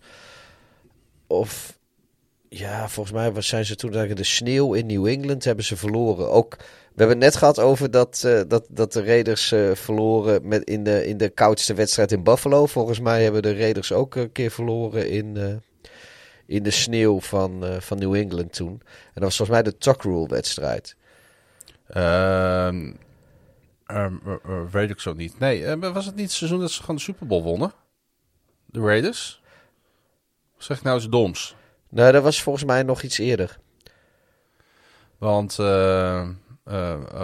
ja, dit ach, weet ik ook niet. Om dit nu zo op te zoeken. Uh, nee, ze hebben de AFC Championship game gespeeld in die wedstrijd. En die wonnen ze van de Titans, toch? Uh, was dat een AFC Championship game? Ja, tuurlijk. Nou, volgens mij hebben ze die Tuck Rule wedstrijd ook nog gewoon... Uh... Oh, dat was de 2001 Divisional Playoffs. Ik, nou ja. zit, ik zit één jaar mis. Eén jaartje mis. Dat geeft niet. We hebben het duidelijk. Nee, ik heb wel gelijk inderdaad. Het was dat, dat seizoen dat ze, ehm, dat ze de Super Bowl haalden. En... Um, Wonnen van de Buccaneers. En wonnen van de... Nee, verloren van Verlo de Verloren van de Buccaneers. Oh, je zo Want John Gruden, was toen bij de Buccaneers. De, juist. Ja, ja. Nou, nou, we zijn er weer. maar... Uh, Volgens mij hadden de, de Buccaneers hadden toen een tiki bar... Ah, weet, nou, nee, dat was ook niet toen. Toen maakte ook helemaal niet meer uit. Uh, nou, weet, dan moet je maar een keer een special over maken. Als je dat uh, wil uitzoeken voor onze luisteraars. En voor jezelf. heel hard van, nee. De Game Balls, vond ik wel mooi. Die gingen naar team-owner Mike Brown en naar de stad Cincinnati. Uh, ik dacht bij mezelf, ja, de Bengals hadden er ook voor kunnen kiezen om een gameball aan Jerome Bogut en zijn collega's te geven. Want in deze wedstrijd zat natuurlijk het, uh, het fluitincident. Hè, met uh, de, de bal van Brady op, um, op Tyler Boyd. Hè, Burrow deed een roll-out naar rechts om pressie te voorkomen, gooide vlak voordat hij over de zijlijn stapte de bal naar de endzone. Boyd ving uh, die 10-yard pass achter in de endzone voor een 20-6 voorsprong. Terwijl er toch duidelijk een fluitsignaal te horen was, Pieter. Ja, het was, voordat de bal gevangen ja, werd. Dit, uh, dit fragment staat ook een beetje in de intro. We, het is niet alleen dat je het fluitsignaal kan horen als je de uh, real-time broadcast view kijkt. Als je de herhaling uit dezelfde broadcast kijkt, zie je dat op het moment dat, of dat, dat, dat eh, Burrow die bal gooit, dat daar een line judge is die op een fluit blaast. Of in ieder geval, hij heeft een fluit in zijn mond en zijn wangen worden bol. Dus dat in mijn beleving blaast hij op een fluit. Ehm, dus ja, die touchdown had nooit goedgekeurd mogen worden, omdat hij na een fluit kwam. Aan de andere kant, als je het in real-time bekijkt, die fluit, die is nog niet uitgefloten op het moment dat die man, eh, dat, dat, dat de bal gevangen wordt. En Nou, nee, ik, ik geloof niet dat. Formeel had die fluit, eh legt het spel stil. Laten, we, daar, laten we daar duidelijk over Laten zijn. we zeggen dat er een split second tussen zat. Ja, oké. Maar la, la, eerste wat, wat duidelijk moet zijn, op het moment dat die fluit gaat, ligt het spel stil. Ja. Dus alles wat erna gebeurt telt niet meer. Dus ook die touchdown had niet mogen tellen. Nee. Dat, dat vooropgesteld. Punt is dat de fluit zelf aan het verloop van die play weinig invloed heeft gehad. Ik geloof niet dat, eh, het was die nummer 25 van de, van, Mhm. de, van de Raiders, ik ben nu zijn naam even kwijt. Eh, die heeft niet het, eh, de tijd gehad om op basis van wel of geen fluitje horen zijn verdedigende actie anders in te zetten of te beïnvloeden. Tenminste, ja. dat, dat, niet dat ik kan zien. Daar hoorde ik bijna niemand over, terwijl ik daar best wel pissig over was. Ik zou er zeker pissig over zijn als ik coach was. Ik zou er pissig over zijn als ik fan van de Raiders zou zijn. Want een play is nooit over totdat hij over is. Precies. En Precies, dus zeker als- niet als- met een quarterback als, als- ja. Joe Burrow. En, je hij zag hem al- in zijn lichaamstaal, zag je hem al niet meer erop rekenen Ja, dat, die bal gegooid Ja, zou maar dat was nog voor het fluitje. Dat was nog voor het fluitje, zeker. Dat bedoel ik ook. Omdat hij al zoiets had van die bal komt niet meer. Maar Burrow dan- die rent over de zijlijn en het is klaar. Ja, en dat gebeurt dan niet, want eh, eh, Nee, eh, nee, precies. Hij, hij, hij, ja, Burrow Ik- die perst ja. daar toch nog die desperation play uit. Mijn, mijn mening over die play is dat ten eerste de touchdown komt na het fluitje, dus formeel had hij niet mogen tellen. Eh, maar mijn mening is, het fluitje had op het verloop van de play geen invloed. En omdat uit herhaling Mhm. ondubbelzinnig blijkt dat het fluitje er niet had mogen zijn, heb ik er geen moeite mee. Want zonder fluitje was deze play exact net zo verlopen. Wel- Dat, is, dat is mijn idee. En daarom vind ik Mhm. Tuurlijk hebben de scheidsrechters een fout gemaakt. Absoluut. Ehm, We gaan Boker ook niet meer terugzien in, eh, Nee. in, de, in de play-offs. maar ik, sportief gezien heeft dit niet zoveel invloed gehad op de wedstrijd. Eh, ik denk de grootste invloed die dit gehad heeft, is inderdaad op Bogert en zijn carrière. eh, in, en zijn, zijn aanzien. Ja, er kwam ook nog een vraag over binnen van Niek. Hij zegt, hoe valt het toch te verklaren dat het niveau van de scheidsrechters zo laag is? Bijvoorbeeld ook in de wedstrijd van de Rams moest McVay twee keer een challenge gebruiken om twee overduidelijke plays terug te draaien. Zijn dit de zenuwen of is hier een andere verklaring voor? En welke dwaling vonden jullie het meest kwalijk? Nou, dat vond ik deze. Nee, ik, eh, ik heb hier een hele simpele verklaring voor. Ten eerste hebben we het hele seizoen al eh, commentaar op het fluiten van de scheidsrechters. Mhm. Ehm, maar de andere verklaring is nog een veel logischer en een eigenlijk hele pragmatische. Eh, wij zitten als NFL-fans met z'n allen de wedstrijden van onze favoriete teams in zijn geheel te bekijken. En hebben we uitgebreid commentaar op eh, hoe de scheidsrechter zich gedraagt. En de rest, dat zien we op Red Zone of in samenvatting. Of af en toe een keer op een Monday Night Football. Maar laten we eerlijk zijn, de meeste mensen in Nederland kijken Monday Night Football of Sunday Night Football niet live. Maar in eh, de Game in 40 of misschien zelfs alleen de highlights. Ja. Is, is geen, geen kritiek, helemaal niet. En pas in postseason zien we met z'n allen dezelfde wedstrijden in zijn geheel. Mhm. En dan zie je pas wat er gebeurt qua eh, scheidsrechtelijke dwalingen. Maar wat er nu in de playoffs is gebeurd, eh, is volgens mij weinig anders dan wat bij, bij heel veel wedstrijden in het reguliere seizoen ook gebeurt. Alleen nu zien we het allemaal tegelijk en nu zijn we het dus allemaal met elkaar eens. Ja. Ik denk dat dat eh, de, de, de verklaring is. Absoluut. Uiteindelijk wonnen eh, dus de Bengals wel. Jamar Chase die ving 9 ballen voor 116 yards. Aan de andere kant bleef Carr maar proberen. Maar hij was slechts 29 uit 54 voor 310 yards. Ja, het is ook wel logisch in een wedstrijd waarin je de hele tijd achter staat dat je natuurlijk veel gaat pasen. En natuurlijk, je hebt niet een hele goede run game. Maar wat, eh, pijnlijk voor hem was, was dat iedere incomplete pass leidde tot meer en meer feestelijke taferelen bij de iets meer dan ja, volledig hyped 66.000 toeschouwers daar in Cincinnati. Die weten niet wat ze meemaken op dit moment. Dat weten ze ook niet. Want mooi hè? Ik, ik vind denk- het mooi. Want een groot deel van het publiek zal er niet bij zijn geweest 31 jaar geleden. En eh, ja, het, het heeft inderdaad ook wel wat moois inderdaad. eh, van, van worst naar first. Ja, niet alleen dat, maar de Bengals zitten nu precies daar waar de eh, Browns al drie jaar op rij zou, dachten dat ze zouden zitten. Mhm. Ja, klopt. Ja, het is knap. We gaan het zien of ze het gaan volhouden. Het wordt spannend. Gaan we het zo over hebben in de voorspellingspodcast. Blessures. Nou, defensive tackle Mike Daniels die verliet in het eerste kwart de wedstrijd met een liesblessure. Ook een Joby werd van het veld gereden met een voetblessure. En Hendrickson moest noodgedwongen stoppen door een hersenschudding. En zo beëindigden de Bengals de wedstrijd met slechts twee gezonde defensive tackles. En daar zit natuurlijk wel eh, een potentieel gevaar eh, voor de Bengals. Zeker als je tegen eh, de Chiefs speelt. Ja, maar ja, goed, in deze fase van de playoffs. Ja, speel alleen, speel, je komt geen slechte teams tegen als het goed is. Precies. Pieter, het zit erop. Deze podcast, eh, deze terugblik op de wildcard ronde. Als je het nou een cijfer moet geven.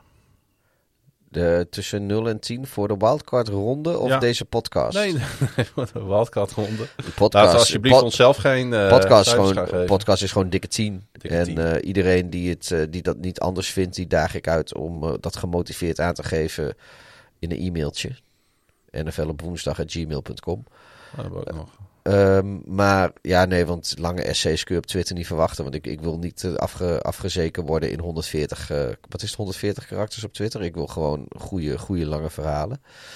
Ehm, maar het, het weekend, want dat vroeg je dus, het, het wildcard weekend. Ehm, ik geef het een, eh, een, een, een 7,5. Ik een 7. Oké. Waarom? eh, Ja, gewoon. Omdat ik dat de hele tijd al in mijn hoofd had. ja, ik, vond het geen 6, want daarvoor heb ik te veel genoten van eh, de, de 49ers en de Cowboys. En ook deze wedstrijd tussen de eh, Bengals en de Raiders, die op de laatste play ook aankwam. Wat het natuurlijk het allermooiste is in deze sport. Maar aan de andere kant heb ik ook, ben ik ook echt verrast. Want ik vind het toch wel echt. ik ben echt verrast door Matthew Stafford. Ik, eh, ik ben verrast door de Rams. Ik ben verrast door de Buccaneers. Ik had eigenlijk verwacht dat die teams het allemaal dus toch wel een stukje Ja, lastiger ik, zouden ik, krijgen. Ik, ik, ik wil er nog één keer, één, één keer, nou op aanvallen niet, maar ik wil nog één keer dat. Ik snap niet waarom jij zo weinig had verwacht van Matthew Stafford. Want in Nou, alle ik hem heel veel matige wedstrijden heb Ja, maar spelen. in alle beschikbare metrics was hij de vijfde quarterback van het seizoen. De enige die beter waren was Herbert Burrow, Brady en Rodgers. Mhm. En dan, dan komt eh, Stafford. En alle andere quarterbacks dus, die, die Ja. waarvan... Nee, nee, maar dan, dan heb je dus een combinatie van... Oké, PFF kun je kritiek op hebben. QBR kun je kritiek op hebben. eh, quarterback rating. Of, of sorry, de... de, de, de eh, weet je wat de, wat de NFL doet? eh, Ja, maar het is Weet toch je, een maar al die dingen dat bij weet ik allemaal wel. Maar het is ook een combinatie van factoren. Het is een, het is een quarterback die 12 jaar lang bij de Detroit Lions heeft gespeeld. Daar drie playoff wedstrijden heeft gespeeld. Ze alle drie verloren heeft. Ik dacht, nee, ik moet het nog maar zien. Hoe die quarterback presteert onder druk, onder playoff druk. nou ja, ik maar- was daar gewoon benieuwd naar. En, en hij, Ja. heeft, hij heeft mijn verwachtingen wat dat betreft overtroffen. Ja, nee, maar ik, ik, ik vond dat... eh, ja, ik weet niet, hij heeft met zijn, zijn hele seizoen... Weet, de, kijk, ik, ik snap wel dat er waren heel veel mensen die hadden een verwachting... dat, dat die een, een, een absolute masterclass van quarterbacking zou laten zien in Los Angeles. Eh, kijk, ik was ook heel positief. Ik had, heel, ik had hoge verwachtingen van hem. Ehm, maar kijk, ik had niet verwacht dat hij in één keer de allerbeste quarterback in de NFL zou worden in LA of zo. Helemaal niet. Ik zeg ook niet dat jij dat hebt hoor. Die man heeft gewoon 41, 41 touchdown pass gegooid in het reguliere seizoen. En eh, volgens mij is hij daarmee tied for first. Of hij zit net één of twee touchdown passes achter Tom Brady. Hij heeft geloof ik uit mijn hoofd 17 intercepties gegooid. Dat is op papier heel veel, want je ziet een aantal andere quarterbacks die ook rondom dat aantal zitten. Maar geen van die quarterbacks heeft 40 plus touchdown passes gegooid. En dan vind ik het in één keer ook minder erg, want ja, als je 25 touchdown passes tegenover 17 intercepties is wat anders dan 40 plus. Eh hij heeft alleen een paar hersenscheterige momenten gehad. Inderdaad, zoals Ja. een, een interceptie een beetje te vergelijken met wat Murray nu had tegen de Rams. In die, eh, in die slechte novembermaand. Was tegen de Colts was dat volgens mij. Ja. Nou, weet ik ook niet meer. Ja, of nee, volgens of mij nee, nee, volgens mij was het Wentz die het deed tegen de Rams. Oh, En ik weet niet meer tegen wie Stafford het deed, maar hij heeft het een keer gedaan. Dat kan wel eens tegen de Niners of tegen de, tegen de Cardinals geweest zijn. Ik heb geen idee. Hij heeft een paar hele domme, domme dingen gedaan. Eh, ook recent nog. Maar eh, overal heeft Stafford gewoon een heel goed seizoen gedraaid. En ik denk echt dat Stafford eh, de Rams nog best ver kan brengen dit seizoen. En daar gaan we het over hebben in de extra podcast. Wil je nou die extra podcast beluisteren? Dan kan dat via eh, lid te worden van onze podcast nflopwoensdag.nl. Maar we gaan deze keer de podcast ook openbaar gooien. Voor één keer. Om eh, te laten horen wat de mensen anders eh, moeten missen. Ja, het zijn onze voorspellingen die ze missen. Dat zijn onze voorspellingen. We gaan het één keer gewoon openbaar doen. eh. en ja, luister daar ook naar. Pieter, ehm, bedankt voor je inbreng, voor je gezelligheid, voor je biertjes, voor je domme humor. Domme humor. Willen mensen jou volgen? Kan dat via Hoezo domme humor? Hoezo domme humor? Wat, wat is dit nou weer? Ik- mij volgen? Dan kan het via Ed Klaasje Gun, dubbel A, dubbel S, dubbel Ik zit hier bijna 2,5 uur. Hè, zit, ik, zit ik gewoon de luisteraars te vermaken. En, en dan krijg ik nu nog even mee dat het domme humor is. Nou, de humor die, die er is, die is van een bedenkelijk niveau over het algemeen. Wel, nee, man. Wat, wat, wat, wat, wat zijn er nou voor waardeoordelen? Ik, eh, moet ik nou kwaad weglopen uit de podcast? Nee, tuurlijk niet. nee hoor, jongen, ik hou van je. En, ehm, eh, Domme humor.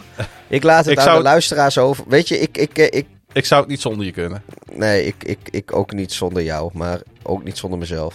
Hey, ik wil iedereen bedanken voor het luisteren naar eh, NFL op woensdag. Het was, eh, humor. was het script van eh, seizoen 2, aflevering 34, wat ik heb eh, voorgelezen. En graag eh, tot de volgende! Beste maar weer. Domme humor.